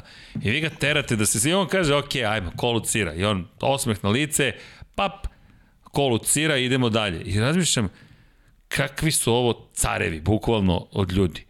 Ne, da, ne, poz, ne, ne znam ko nije došao da, da, da si donao Miša, mi si rekao, e vidi, naš sam Miša, može se fotkamo, bi rekao, važi, ajde se fotkamo. Ali taj umor, i razmišljam samo od samo da se završi, Kimi koji je lepo objasnio, doviđenja, ode iz kadra. Nema, ja sam završio svoje. On je završio trku da ne bi morao da je intervju za, zato što je bio vozač dana. Buko, e, bu, i se vidio, prvi vozač dana e, koji nije dao intervju. Koji, koji, koji nije, mislim da je pokvario ne, boli. Ne, ovi će stvarno da mi izglasaju. Da Idem ja u... o, možda imao avion, ono, imao avion u sred trke. Čekaj, a to nešto nismo analizirali. Prošlu godinu na adekvatan način. Sebastian Vettel, Kimir i Konen su na letu iz Australije, a Formula 1 govori možda će biti trke. Šta pričate, imamo fotke da su njih dvojica otišli. Ali dobro. To su Nemo ospomene. Da na da se vraćamo, dakle, Nemo tri da najlošije vozača. Ok, Mazepin, Pa ne bih, ne bih, ja ne bih ja ne bih čak ni njega rekao najlošiji, najloših ljudi. vozača, kad voziš Haas je šporet u odnosu na ove ostale, tako da... Na... Baš je daleko od toga. E, najveće iznenađenje od vozača, Sainz ili Alonso. Pazi, zanimljivo, jedan i drugi jesu A ja ne, ne mogu da stavim Fernanda Alonso kao iznenađenje. Znaš. Ti si rekao da će, da će Alonso biti dobar, je li pa, tako? Nisam ja rekao. Nisi. Nis, ti si rekao. To sam opet ja rekao. Ti si rekao. I jao, i jao. Dve, stva, dve stvari koje sam ja najviše promašio ove godine su upravo Španci. Ali si sve ostalo pogodio. Pa dobro, nisam, ali ovo sam baš promašio. I Alonso i Sainz. Znaš kako, gledao sam kako čovjek od, od, koji už ulazi u petu deceniju života uh, koliko možda parira posle tolke pauze u Formuli 1 momcima koji su mlađi, koji su Dobro, bezobrazniji, sportski bezobrazniji, ne, sportski bezobrazniji. Kako je kad uđeš u, če, u petu deceniju. Pa da, ali on je pokazuje jednu agresivnost, jednu, jednu znaš, uh, i želju i, i drskost, pozitivnu drskost na stazi, kako je donao pobedu. On je donao pobedu Okonu Jest. U onoj borbi sa, sa Hamiltonom jest, jest. I, i zaista je, znaš kako bi izgledao Alonso, kao da je na početku karijere. Nisam očekivao takvog Alonso. Najveće Iskreno. razočaranje, pa mislim da si lepo rekao za Kimi je zapravo Kimi, da je da, najveće pa razočaranje. Da, pa Kimi, pa Ricardo ja. ne može da mi bude razočaranje, Ricardo je zabržio pobedu, ljudi. Čekajte, ajmo, ajmo perspektiva. Poslednja pobeda do triumfa Daniela Ricarda u Monci je Jenson Button u Brazilu 2012. godine. 12. godine. Deca koje su se rodila tada, sada su treći razred osnovne. Da. McLarenu je Daniel Ricardo doneo pobedu. Nemojmo zanemariti, to se ne događa svaki dan. Daniel Ricardo ne može da bude razočaranje, on je zabeležio pobedu, a tim McLarena je jedini tim koji ima dvostruki triumf ove sezone. A ko je Ricardo razočaranje? Pa? Ne, ne, ne može da bude Pobedio. razočaranje. Da li je mogao više? Pa svako od nas može više, ali čekajte, došao je u Monci Kimi, do pobede. Ja sam, ja sam recimo, ja sam najviše kritičan. Kimi, Kimi. Kritičan ono, tamo gde volim, znaš, gde su umešane, ja, ja Kimi, ja stvarno volim, i, znaš, umešane Najveće emocije, iznenađenje. Baš je, baš je razočarao. Ferrari ili Williams? Meni je Williams veće iznenađenje. Jeste. Ferrari, Jest. Ferrari mora ovo da radi. Ferrari, Ferrari, Ferrari je Ferrari. Ljudi, to je kao kada biste rekli da li, zamislite u filmu superheroja ili negativca, kako god, ako ste za Ferrari ili protiv Ferrarija, koji ima super moći, mega moći, i taj neko je na poziciji 6. I, i samo ti kažem još ne nešto. može. Znaš koliko malo fali da mi razočaranje bude, naš ko? Ko? A to će, to ne, ne, mislim ne bi ni pogodio. Da ti razočar... Ne bi ni pogodio. Sebastian Vettel? Ne, ne. Ne? ne. Nije Vettel, mislim da... Ko bi ti bio razočaranje? Ajde, probaj da, evo probaj, probaj da... A, pronikni u celu sezonu, prvo pronikneš u celu sezonu i da vidiš ko bi mi bio razočaranje. Razočaranje? Ko razočaranje je neko od koga sam ja očekivao mnogo više ove godine, neko ima iz mog ugla ozbiljna potencijal. Charles Leclerc? Ne. Ne znam. Alfa Tauri. Alfa Ta, a, Pierre Alfa Gasly. Ta, Pierre, Pierre Gasly. I kad pogledaš, okay, ima smisla. Uh, najloši, ima smisla. najlošiji starter u svakoj trci, gubio pozicije u startu, uh, nije, uspe, nije uspevao da, da rezultate u kvalifikacijama pretvori u dobre rezultate u trci, imao dobar bolid u rukama, nije uradio posao kako treba Pierre Gasly ove godine. Mogo, okay. je, mogo je da bude, ali pazi, malo mi fali da on bude uh, najveće To je razočaranje iz pitanje mog očekivanja. On je deveti bio na Tako kraju je, pitanje sezone očekivanja, da. i 110 poena nije loše, ali Nije. kada pogledaš šta je moglo biti... Potencijal koji ima u rukama, ja mislim da je to moglo bude E, bolje, ali, ali, u, znaš, malo kakav mi ti ovo nedostaje. praviš za sledeću nedelju zapravo, sad je počelo zagrejanje, pošlo, prošla je ponoć, pa mi u ponoć da počnemo zapravo podcast treba. Ali vidi, ima smisla ovo što govoriš, ima smisla. Samo zamislimo sledeću situaciju. Zamisli Sebastian Vettel u toj ekipi, kao mladi Sebastian Vettel. Ja mislim da bi se on borio i za pobede u ovom Alfa Tauriju. A Sebastian Vettel je Sebastian Vettel je Četvorostruki šampion sveta, kraj, Sebastian tačka. Vettel. Ad acta. Ok, ovo ima, ima baš mnogo smisla. Inače, Petar Elić kaže, pozdrav ljudi, kako podnosite pauzu? Evo, pričljivo, kako podnosimo pauzu. ko kaže- koja pauza? koja pauza? Šta vam je? Nema pauze. Nema pauze. Ko kaže da ima pauze? Interesuje me vaše mišljenje o Alonsovoj sezoni, pošto sam delio mišljenje sa Pajom sa početka sezone da neće biti na nivou, a kada sagledam sada sve imao je jako dobru sezonu nakon malo slabijeg početka. Iznenadio me, iako smo svi svesni kakav je šampion u pitanju. Sve si lepo rekao, nema To je to. šta da dodamo. To Evo, to. bukvalno smo to pričali. Žorž, To je- inače, To je ovaj čovjek pričao sa moje leve strane, najavio tako nešto i to je to. kaže ovako, malo van Formule 1, nešto i za vas i za nas. Da li može, na primjer, popust dok traje emisija kada postignete 500 lajkova? Ili tako neka fora, jedino ako ne dodate minus, ako spustite cenu majicama, pozdrav za sve. Žorž, ovako. Uf. Čekajte. Sada kada bi me čuo naš finansijski menadžer, povlaka knjigovođa, povlaka svi ostali koji se bave papirima, ne možete da spustite, pazite sad ovo, mi ne možemo po zakonu da spustimo cenu tokom dana. Mi moramo knjigovođstvu da prijavimo knjigovođstvenu cenu za proizvod na taj dan. Na taj dan. U suprotnom, u suprotnom, smo u zakonskom prekršaju. Nema fleksibilnosti. E sad, Žorž, dajte mi ideju. Ako podcast počne u 21.00, 28. Moram da vidim da li možemo da prijavimo za 29. i nešto drugo, ali to onda traje 29. Što znači pakao za finansijskog menadžeru Vladimira Kovačevića i za knjigovodstvenu agenciju, ali za nekoga raje i za nekoga pakao. Vidjet ćemo sa njima sutra ujutro. Žorž, tako da, ko sačeka ponoć, možda će moći da kupi. Žorž, kakvu si temu zaigrao, čoveče, šta Pa, nam jesu radiš? novogodišnji praznici. Pa eto, praznici su, ovde odmahuju glavom finansijski menadžeri, ali Žorž, pošteno pitanje, a mi volimo da, da ispunjavamo želje, ali, ali, pod uslovom da nam napišete koje knjige biste želeli da prevedemo i da nam napišete koje su vaše želje, šta mi možemo takođe da uradimo za vas. Pomozite i nama da mi budemo bolji. Na, ljudi, ovo su nama snovi. Bukvalno, ja ne mogu da verujem, iako znam, video sam tabake, knjige o Kimi Raikkonenu, da će u izdanju Infinity Lighthouse-a izaći knjiga o Kimi Raikkonenu, koju je on autorizovao, za koju smo mi kupili prava i Milica prevela, Nevena uredila, ne znam više ko je prelomio, ko je nije prelamao, ne bismo li sve stigli Prelamač, na vreme. Pre- prelamač. prelamač! Ali, uspeli smo i ta knjiga je sada u Kragujevcu u ne znam šta se sad suši, šta se sve povezuje, šta se lepi, šta se... Bravo, Kragujevac. Bravo, bravo, bravo, grafostil, ekipa. Tako da, meni je to nevjerojatno. Napišite nam šta biste vi želeli od nas, da mi pokušamo to da uradimo.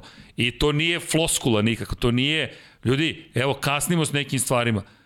Da li ću se izvinjam? Ko zna zašto ću vam se još da se izvinjam šta smo kasnili? Ali mi odustati nećemo. Dobro, mislim da to njegovo izvinjenje je posljedica velike želje. Srđan, Jest. Srđan ima ogromnu želju i onda iz te želje Vučem ponekad... neka, neka zna da izazove da povuče potez koji nije realan, ali to je samo njegova, njegova želja, desi se naravno i to je to. Znači, to ne može niko, to niko ne, da ne može da zameri, nego prosto to je... Kako mi je zalupio vrata? E, ovo mi je potez, ovako. Pa jo, ćemo da radimo podcaste. Jest, A važi matori. Pa eto, pa jest. Lupio sam u vrata i pogledao sam ga ispod oka, vidi ga ovaj šta priča, nije normalan čovjek. Radi neki podcast i Ludilo. sam sa sobom priča i evo, i to je to. Išlo, išlo, malo, išlo sporije malo, ali evo gde smo. I to Ali, je, tako je. I tako svaka da, čast, to je ta njegova neka energija, Ma, ali svi zajedno. neka želja možda ubrzana da se stvari urede i u granicama nerealnog. Ali ne, pa dobro, često ali u granicama nerealnog, ali podršku, ponekad, da, pa da, okay, ali, ali ponekad gurneš granice da bi se kaže nešto nekad desilo. do Pavlo, treba se nekad ugristi za jezik, ali nema veze, to si ti, tako da sve okej. Veze. džaba, džaba, da. džaba, džaba. Sve okej. Elem, Strahinja Blagojević, da li misli da će ova poslednja sezona doneti drugačije pravilo, uopšte drugačiji odnos prema pravilima na stazi? Ja se bavim jedrenjem, ne znam koliko poznate trke jedrenju, ali u vrhunskom regatu, u vrhunskim regatama se tačno zna ko je pogrešio, ko je penal za učenje grešku u realnom vremenu. E, Bravo, Strahinja, Svaka čast, pozdravljamo svaka čast, te i samo nastavi. Pozdrav. Samo nastavi, javljaj se. Da, mislim, u pravu si. To je ono što jeste suština svakog sporta, ti da možeš jasno definišeš da znaš šta su neke smjernice, kada neko kažnjavaš da apsolutno u svakom momentu onaj ko gleda i onaj ko je učesnik da zna, aha, to je kazna i nema šta da pričamo oko toga. Pa vidi, to je zanimljiva tema. Ima tu, ima, pregled sezone će otkriti mnogo toga. Čak Da. i neki zanimljivi momenti imamo i kada reč o, o znaš kako, sedneš, pogledaš neke trke ponovo, pa iz ove perspektive možda i drugačije izgledaju. Tako da će biti vrlo zanimljivo vidjeti pregled cele sezone. Mohamed Hajdari, ovo je interesantno. Da. Mohamed Hajdari, pozdrav neko ko nas takođe redovno gleda, kaže ukoliko dođe do toga da eto Luis kao neće da vozi, koja je prava zamena za Luisa? Da li je to uh, Mick Schumacher u Alfi ili Schwarzman iz Hasa, ko bi mogao da popuni to mesto uko, ukoliko Luis. Eto, prosto moramo o tome da razmišljamo, jer prosto se spekuliše, mada ne verujemo u tako nešto i ne znam šta bih ti rekao Muhamede, da li, da li ovaj se krije odgovor u nekom od ovih likova ili bi to možda Valtteri Bottas ovaj Ja iskreno ti kažem, očekujem Luisa Hamiltona na još najmanje dve godine u Formuli 1. Najmanje dve godine. Najmanje, bukvalno najmanje. Jer on nijednog momenta nije izjavio ja sam u dilemi, to je opet ta priča vezano za Mercedes i pritisak koji ide iz kuhinje Toto Wolfa, tako da Lewis Hamilton je tu ovaj apsolutno sekundaran u smislu tih teorija. Moje mišljenje je da se Lewis Hamilton već sada priprema za ono što ga čeka naredne sezone. Ok, ima ovde zanimljivih stvari. Inače, Non-Flying Dutchman kaže pozdrav, htio bih da pomenem u pregledu sezone sa grafikonima poređenja po krugovima za razne vozače tokom svih grand trka. Non-Flying Dutchman, e-mail je lep76 at infinitylighthouse.com. Javite se pa da se organizujemo i dogovorimo. Inače, uh, Vukašin Felbob kaže da li dati vreme Masiju ili ga otpustiti. Ja mu ne bih dao vreme, iskreno, to, to sam, Pa- ovaj, ja, da, da budem, da sad ovaj, ne budem ovaj, politički korektan, mislim da je mnogo toga zabrlje ove godine, da nema, da nema autoritet i, i kad izgubiš poverenje i publike i ljudi koji su u automotosportu, mislim da, da, da, ovaj, da, da je to promašena tema. Ovako, ja bih se vratio na početak. Prikazali bismo grafikon, ali da se ne vraćam sad toliko daleko. Berza je rekla svoje. Bilo je 46, sad je 62. 35 milijardi je vrednost na tržištu Formule 1 grupacije. Okay. I sad, ko zapošljava Michaela Zavisi iz Masija? kog- to- Tako je. Zavisi iz kog ugla Ja ne kažem da li mu treba, da li, mu, da li ga treba promeniti. Pa, hajde ovako, mislim da šta god da je rešenje, da li on da promeni ponašanje ili da promene čoveka, nešto mora da se menja i vratit ću se na nešto, ideja koja mi nije pala na pamet, ali slaž, složit ću se, čovek je zamolio da, da ga ne imenujem, ali čovek koji je upravljao timovima na, na regionalnim takmičenjima i evropskim takmičenjima koji mi je rekao, vidi srđane, zna se, u našim šampionatima se zna, kada to urade vozači jednom, ok, incident. Kada urade drugi put ista dva vozača, bili vodeći u šampionatu ili ne, direkcija trke ih pozove i kaže sledeću trku započinjete sa poslednje dve pozicije. Molim? Sa poslednje dve pozicije. Sad samo zamisli Hamiltona i Verstappena kreću poslednji, posle Velike Britanije u Mađarskoj. Ups, neko drugi bi mogao da zabeleži pobedu. Hoćete ponovo incident? Nema nikakvih problema. Startujete obojice sa začelja. Kako? Opet idete sa začelja. Dok se oni opasulje, dođeš do toga da neko možda može da ih ugrozi u šampionatu. Ili ti poruka je vrlo jasna. Vodite računa. I ti si to, ja mislim, rekao. Ti si upozorio posle Velike Britanije da će se na kraju sezone doći do toga da zato što niste na vreme zaveli red, To. među vodećem dvojicom vozača imaš situaciju da svako radi šta hoće. To je, to je ono, ono što smo pričali, sređeni, imamo, imamo dva aspekta priče. taj sportski i taj epilog koji smo, koji smo dobili. Epilogom ti i ja i, i, i većinski deo ljudi koji su, koji da kažem, ordinišu negde kada je pitanju Formula 1, što profesionalno, što kao navijači, mi smo uživali u jednoj privilegovanoj sezoni. I, i meni profesionalno. Pa ti znaš koliko sam puta pričao ovde, da, da, da prosto želim epilog takav da posljedna trka rešava sve. Izjednačen broj poena, pa to je vrhunac uh, onoga što gledam u posljednjih 11 godina. Hvala Michaelu Masiju na tome. Ako gledamo, Čekajte. ako gledamo kroz njegovu prizmu. Nije ni čudo da se Black Magic šlogirao da je zamrznut ekran, pa, da, pa ali, je izjavio svaka ali, čast ali ne, Michaelu ali Masiju. hvala mu na tome. Srđene, do, dobili smo, svi smo dobili, priča se o Formula 1, ja volim kad se priča o Formula ja to najviše volim, ja volim kad se priča o tome. Dobro, činjenica, ja ne znam ko mi nije prišao da me pita za Formulu 1. Bukvalno, pa je isto. Bukvalno isto. za Formulu 1. Ljudi za koji nisam znao da prate Formulu su mi pisali, nisam znao Ej, znam ih ceo život, a ne znam da prate formulu. Imam neke neverovatne goste urednike naučnih časopisa koji mi pišu, ej vidi, ova sezona, ja mislim, čekaj, ti pratiš Formulu 1? Pa ja, da, pa ista 30 priča. 30 godina, imam VHS kasete, pa rekao, priča. čekaj, da li je to realno? Ali to ne može sada da me, da me negde, kako bih ti rekao, da, da, da, da, da me negde odgovori od, od, od, od onoga što... Od Michaela Masija. Od Michaela Masija, onoga što sam gledao. I, I onoga što, što ne sme da bude u sportu koji volim. Ne, ne može, Michael Masi nije autoritet. Neću da gledam čoveka koji, koji nije nikav autoritet, koji priča kao devojčica uz dužno poštovanje svim, ne, čekaj, svim devojkama, čekaj, ženama koji, priča koji ne može... Slabić, pa ne, pa, kao pa, devojčica. Znam pa, mislim, hrabne žene, moćne. Pa dobro, mislim, ajde, ajde, okej, okay, ajde da pojednostavimo stvari sad. Ja nisam teo hteo da budem ovde nijednog momenta ja sam. neko rektar, nego prosto uh, koristim i neki žargon i nešto što ljudi razumeju. Ali ono je, ono je katastrofa, stvarno. On, on se izvinjava, on se non stop nekom izvinjava. A ti treba da budeš Inače, karakter da, odgo, da, da ono staviš do znanja da si ti taj koji odlučuje. Nenad Milovanov, inače prep donira 1000 dinara, hvala da je preporuka za prevod knjige Adrian Newey How to Build a Car. Pa okej, okay, dobro, dobar predlog. Milice. Dobar predlog. Checkbox, šta nam teško, to je poruka. šta nam teško. Tako da, da, da, da, da znate. Dobro, hvala za savjet. To je jedna od mojih vrlo dragih knjiga. Šta je sve čovjek ispričao u toj knjizi? U, blago. Bukvalno blago. Dobro. Da li bi bio uh, Niko... Pa, zanimljivo, Nika Rosberga dosta spominju. I Oskar i Stefan Deljković. Da li je Niko Rosberg naj-underrated vozač u istoriji? Zanima me vaše mišljenje. I Stefan pita da li mislite da bi Niko Rosberg bio dobar direktor trke. Evo, ja ću prvi da kažem. Može kamera, molim vas, moram da gledam u kameru. Niko Rosberg, oprosti. Oprosti apsolutno oprosti, oprosti, oprosti. Apsolutno najpodcenjeniji vozač svih vremena. Zaista je delovalo da može više. Poriti se protiv Luisa Hamiltona i očigledno pakao. Ali njega je iscrpila ta borba toliko da je otišao idem ja negde da ono sadim papriku i to je to.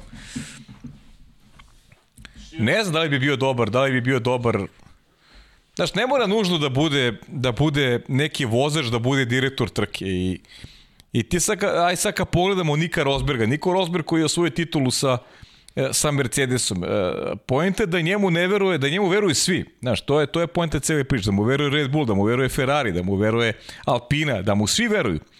A on je osvojio titulu sa Mercedesom. Koliko može da bude realan i da, i da negde procenjuje situaciju popu onako iskreno i, i, da, i da, da tumači e, dešavanje na stazi neutralno. E, to je sada pitanje. Kao, znaš, ne znam, kad bi postavili, sad ne znam, ali pokušavam da se setim neko ko je bio, ko je bio dugotrajan u nekoj drugoj ekipi, a možda nije bio ni šampion, eto, ne znam, ne znam, Filipe Massa recimo sada bude direktor taki. Mislim da, da to malo ovako ne ide, da bi se odmah pobunili neko, neki koji su pristalice Mercedesa, Red Bulla i tako dalje. A ne mora to da bude nužno, da bude nužno trkač, ali da bude neko ko ima autoritet i neko kome će autoritet se stiče znanjem i autoritet se stiče odlukama koje se donose. Michael Masi od starta nije, nije uspostavio taj autoritet uh, autoritet znanja, nije, nije uspostavio autoritet da, da, da tumači iste situacije na iste načine, da, da, da kažnjava podina, kako već kažnjavaš, kažnjavaš jednako sve. Njemu je u startu manjkalo, manjkalo te vrste efikasnosti, tako da Misli kad, kad jedan ovako takmičenju praviš toliko grešaka da, da jednostavno mora da se nađe neki model, neki novi čovjek koji, koji će ovaj da da utiče na na na na veći ovaj potencijal. E, ima ovde zanimljiv, zanimljiv komentar da je precenjen mnogo Lewis Hamilton da ćemo sledeće godine videti kada ga George Russell pobedi. Bane bane ima pa komentar. Pa dobro, ja ne mislim tako, ali Evo okay. ovako, ja imam pitanje za za evo i za Baneta. Ukoliko Lewis Hamilton potuče Georgea Russella, šta onda? Pa ništa. To je pitanje za vas. A za pitanje ja verujem da je Lewis Hamilton neverovatan vozač. Jeste. Način na koji je napredovao i mislim da ova sezona takođe to pokazuje. Kako je u nekim ključnim momentima uspeo da se ponovo podigne. Ali eto, to je moje kontrapitanje, pa da vidimo. Inače, Ginter Steiner, uh, spominje se svašta ovde, dosta pričanja, ima su previše stvarno, Đorđe Đokić. Uh, slažem se, Inače, Silver War, War, e, da, što se tiče srebrnih, ratova srebrnih strela, ima dobar YouTube e, dokumentarac zaista o, o njihovom duelu i bilo je prilično neverovatno šta se događalo između njih dvojice, no, Ljudi, to je 2022. Pa je nas je vratio 2021. na trenutak. Najavili smo sledeće nedelje, pripremite pitanja, pripremite sve za ovu sezonu. U krajnjem slučaju pripremite i svoju sami neku analizu, pa samim tim tu su i negdje neka pitanja koja će da nam pomognu da, da i mi uradimo Bane, kaže, ja ću vas izviniti onda. Ma nema potrebe, Bane, da se izvinjavate bilo kome, nego vam kažem samo, od, ja sam za, za otvoreniji pogled na stvari. Mislim da, da, da nije, nije to ništa lično, nego prosto da vidimo svi zajedno, jer George Russell takođe ima jedan ozbiljan test pred sobom. Ma ne, ma ne, ali, ali pazi, Bane, možda si ti u pravu. Možda, možda, možda znači, Russell ja, ja, pojede ja, ja, ja, ja ne vidim tako ovaj, priču. Ja mislim da je Luis toliko dobar vozač da će naredne godine biti najozbiljniji kad ide za osvajanje titule. Možda, možda nisam u pravu. I ja ću kažem na kraju sledeće zone Bane bravo, bio si u pravu. Je. I to je to i nema tu, nema tu neke to lično, sujete, ljudi. neke, ništa nije lično. Ovde smo da, da, da ono razmenjujemo to. mišljenja i, i, i ono što sam rekao i malo pre. E, zašto je, je jako teško ovo generalno i raditi? Jer se obraćamo publici koja zna I to je poenta cele priče, znači Formula 1 ko prati, ljudi su upućeni, znaju i, i zato smo negdje i ponosni na tu, na, na, na koliko, koliko vas nas gleda i, i koliko utičete na naše prenose, to je zaista jedna zajednica koja je koja je fenomenalna i nema nikakve sujete. Ko, ko da je bitno ko će biti u pravu. Ajmo da gledamo dobro trkanje pa i da. sad moguće da, da je George Russell, George Russell jeste, ozbi, jeste vrlo talentovan vozač, ali ja isto mislim da je trenutno da nije dorastao vozaču kakav je Lewis Hamilton. Jer kada, ako analiziramo malo, da, da malo zagrebamo po površini, da vidimo kako je vozio i u, i u Williamsu prethodnih godina, mnogo je bilo prilika koje George Russell nije iskoristio, realno. Mnogo je grešaka pravilo, pravio. Nije, nije postojao tu neki kontinuitet u momentima kada je, kada je Williams isporučio mnogo bolji automobil nego što je to bio slučaj pre recimo dve ili tri godine. Tako da ima tu mnogo onako primjera koji onako ostavljaju jednu ozbiljnu zadršku kada govorimo o tome šta će doneti George Russell naredne godine e, Mercedesu. Potom, potom, ajde, vidjet ćemo. Kaže Ognjen, nisi mi pročitao pitanje. Ljudi, ja kad bih uspeo da stignem, Crki pita i Paju šta očekuje od mase jednog predsednika, dobro, to smo videli. A drugo pita i šta misli o povratku Željka Obradovića u Partizan.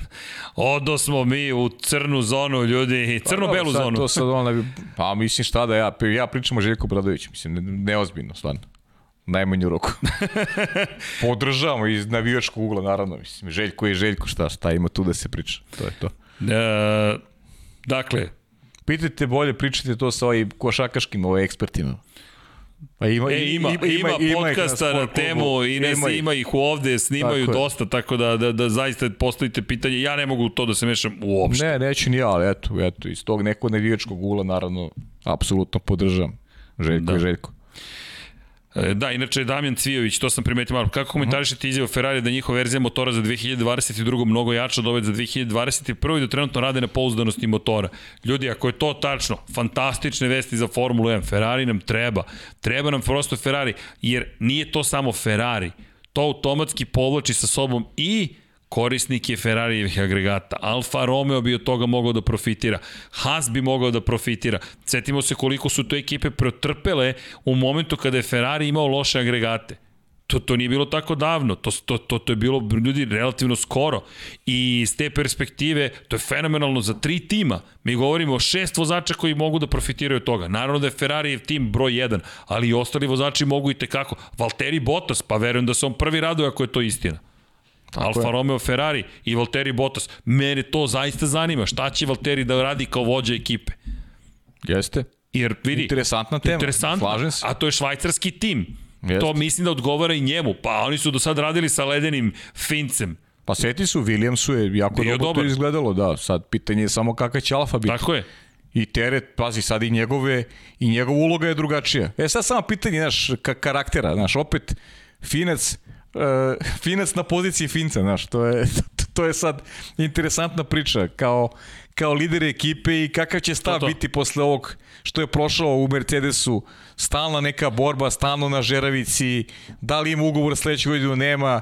Ovde je sada drugačije, rasterećenije, ali vidjet ćemo kako, kako ćemo Botasa dobiti. Ja se nadam da će biti, ne, da će biti neke pozitive za, za, i za Alfu i za njega. Da li možemo da očekujemo, znači, mislim, Veljko Srb, monografija o MotoGP, F1, NFL, recimo NFL 100, NFL 100 nam je ovde, u vašem izdanju koje je prodano na srpski, pošto nije isto kao kada kupujemo strane verzije na engleskom, pozdrav iz Niša. Pozdrav za Niš, Meljko, da, ima, to je jedan od ciljeva, prosto idemo jedno po jedno, jedno po jedno i dok mi naučimo prosto kako neke stvari da radimo, dok mi postavimo sistem, jer ljudi mnogo toga, kada rekli smo, nije planirano, ali to što nije planirano ne znači da se stvari nisu okolnosti promenili, mi sad postavljamo bukvalno Vid, kako da to se dešava. Vidjet ćete na nivou studija doneći četvrtak, ovaj, zaista može se naučiti Super. dosta. Ova monografija, ja nisam ovaj, stvarno uređena fenomenalno. Da, inače... I mnogo su dobre stvari, te monografije su zaista, zaista predivne stvari. Postoje li nagrade za fantasy, pita Raja 2065? Postoje. U štampi su upravo, tako da nemojte da brinete, postoje i bit će još nekih, samo traži malo vremena dok sve ekipa završi, ništa drugo. Ali eto, radimo na tome, nemojte ništa da brinete.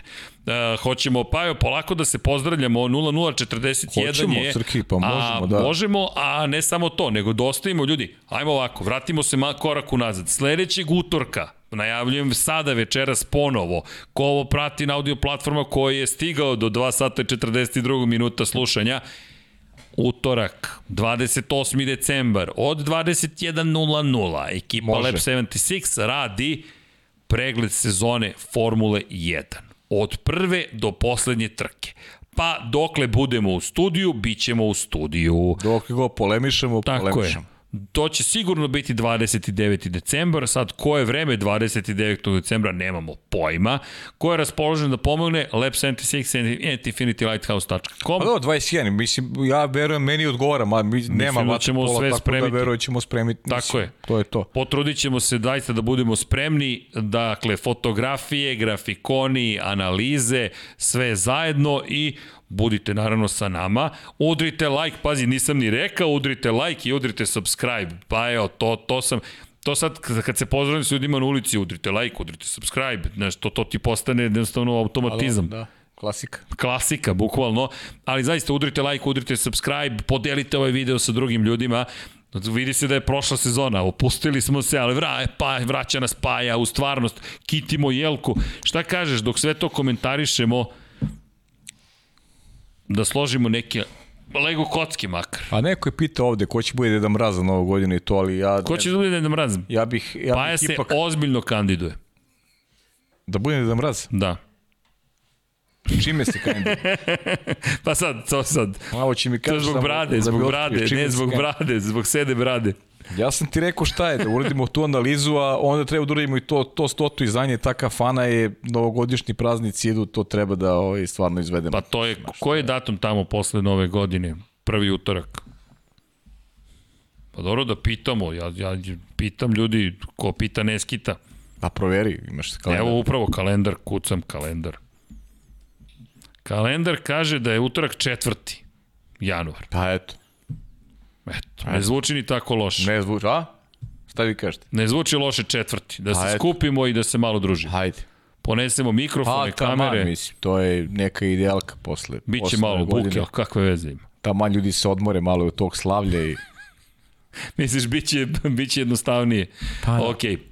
Ljudi, Može, čuli ste najavu, ne zamerite što ne stižemo baš da odgovorimo na sva pitanja. Dobro, ali slej, Potrudit ćemo se. Uglavnom su pitanje vezano, kažem, ljude, ljude Q&A zanima, ljudi su dalje pod utiskom. ujutro. Ljudi su pod utiskom i treba da treba da postavimo pažnju i da u ovoj sezoni u kojoj smo svi zajedno uživali. I kao što smo rekli, do tad ćemo mi imati veći vozača godine. Na 1199 odgovora smo. Super. Ajmo 1200 ti, idemo, sledeća Super. cifra. Podelite inače sa svojim prijateljima.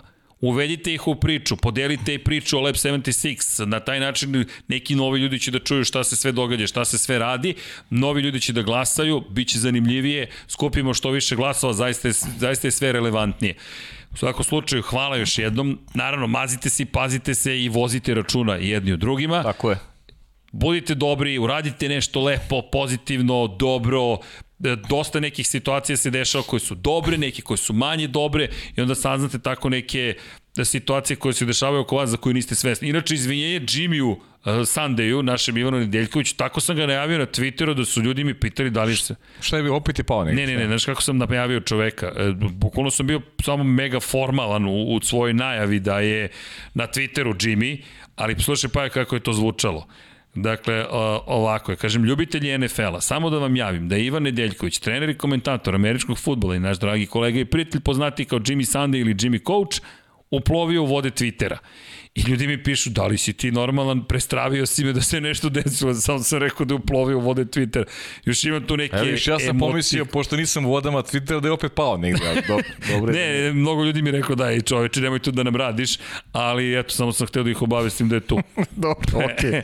Ispalo je, Budi, budi pažljiviji sledeći put da. stavljam smiley na Razumem, početku. razumem ljude, budi Dobre pažljiviji vesti, sledeći da, put. da, da, sad sam bio formalan, nisam znao kako Okej. čovjeka sad da najavim, ali okej. Okay. dobro. I tako, u to ime, budite dobri, To ime živo. Volite se pre svega, tako je, volite se pre svega, budite dobri jedni prema drugima. Ovde imamo ljubav u studiju, to je lepo videti. I naravno Ivan i Milica, naši divni Ma prijatelji, nisu oni pokrovitelji, oni su pre svega srca i duše ove ekipe, zajedno sa još nekima tu koji se kriju. U svakom slučaju, ljudi, Nadam se da ste uživali, mi svako jesmo, Lab 76, broj 159, 161. biće ono posebno izdanje, analiza svega, šaljite pitanja i napred pišite u komentarima šta vas zanima, pa ne, ako radimo analizu trku po trku, moramo i Radimo. predsezonu da analiziramo. Sve ćemo da radimo. Sve ćemo da analiziramo. Ok, i jelku da okitimo i da budemo u prazničnom raspoloženju. Nove godine. Odlično, šta? vidim da, vidim, ok, znači spavamo ponedeljak na utorak. Sve okej. Sve ok, Šta god. Dogovoreno. Ljudi, god. želimo vam laku noć, lepe snove, pošaljite 917 na 3030 ili 1158 na 3030. Human 917, Human 1158 na 455 u Švajcarskoj ili gde god da živite, šta god da radite, nešto lepo učinite. Inače, svaki mesec, svake nedelje zabavite se nešto, nešto pozitivno, a pride sada kada stižu novogodišnji, božićni, koji god pratite, šta god da slavite ili ne slavite, možete da slavite, evo Pajni nerođendan, ko je čitao Luisa Kerola, zna o čemu pričam, pa evo, srećan ti nerođendan. Hvala ti.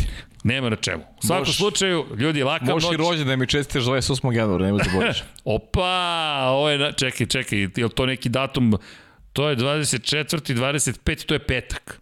Petak. Taman dan, dan posle Vatripolo podcasta. Posle 99 yardi, taman da ti se pridružimo negde. Ajde. Ljudi, laka vam noć i sve najlepše vam želimo, ljubimo vas i volimo i vidimo se u najvećem mogućem broju svi zajedno za Lab 76 broj 161. Ako želi da sluša motorima sutra, 160-ica rade stunt, dolazi da nam otkrije kako se postaje stunt vozač i šta sve to podrazumeva. Nadam se da ste uživali. Mi svakako jesmo. Ćao, Ćao svima. svima. Ćao ljudi.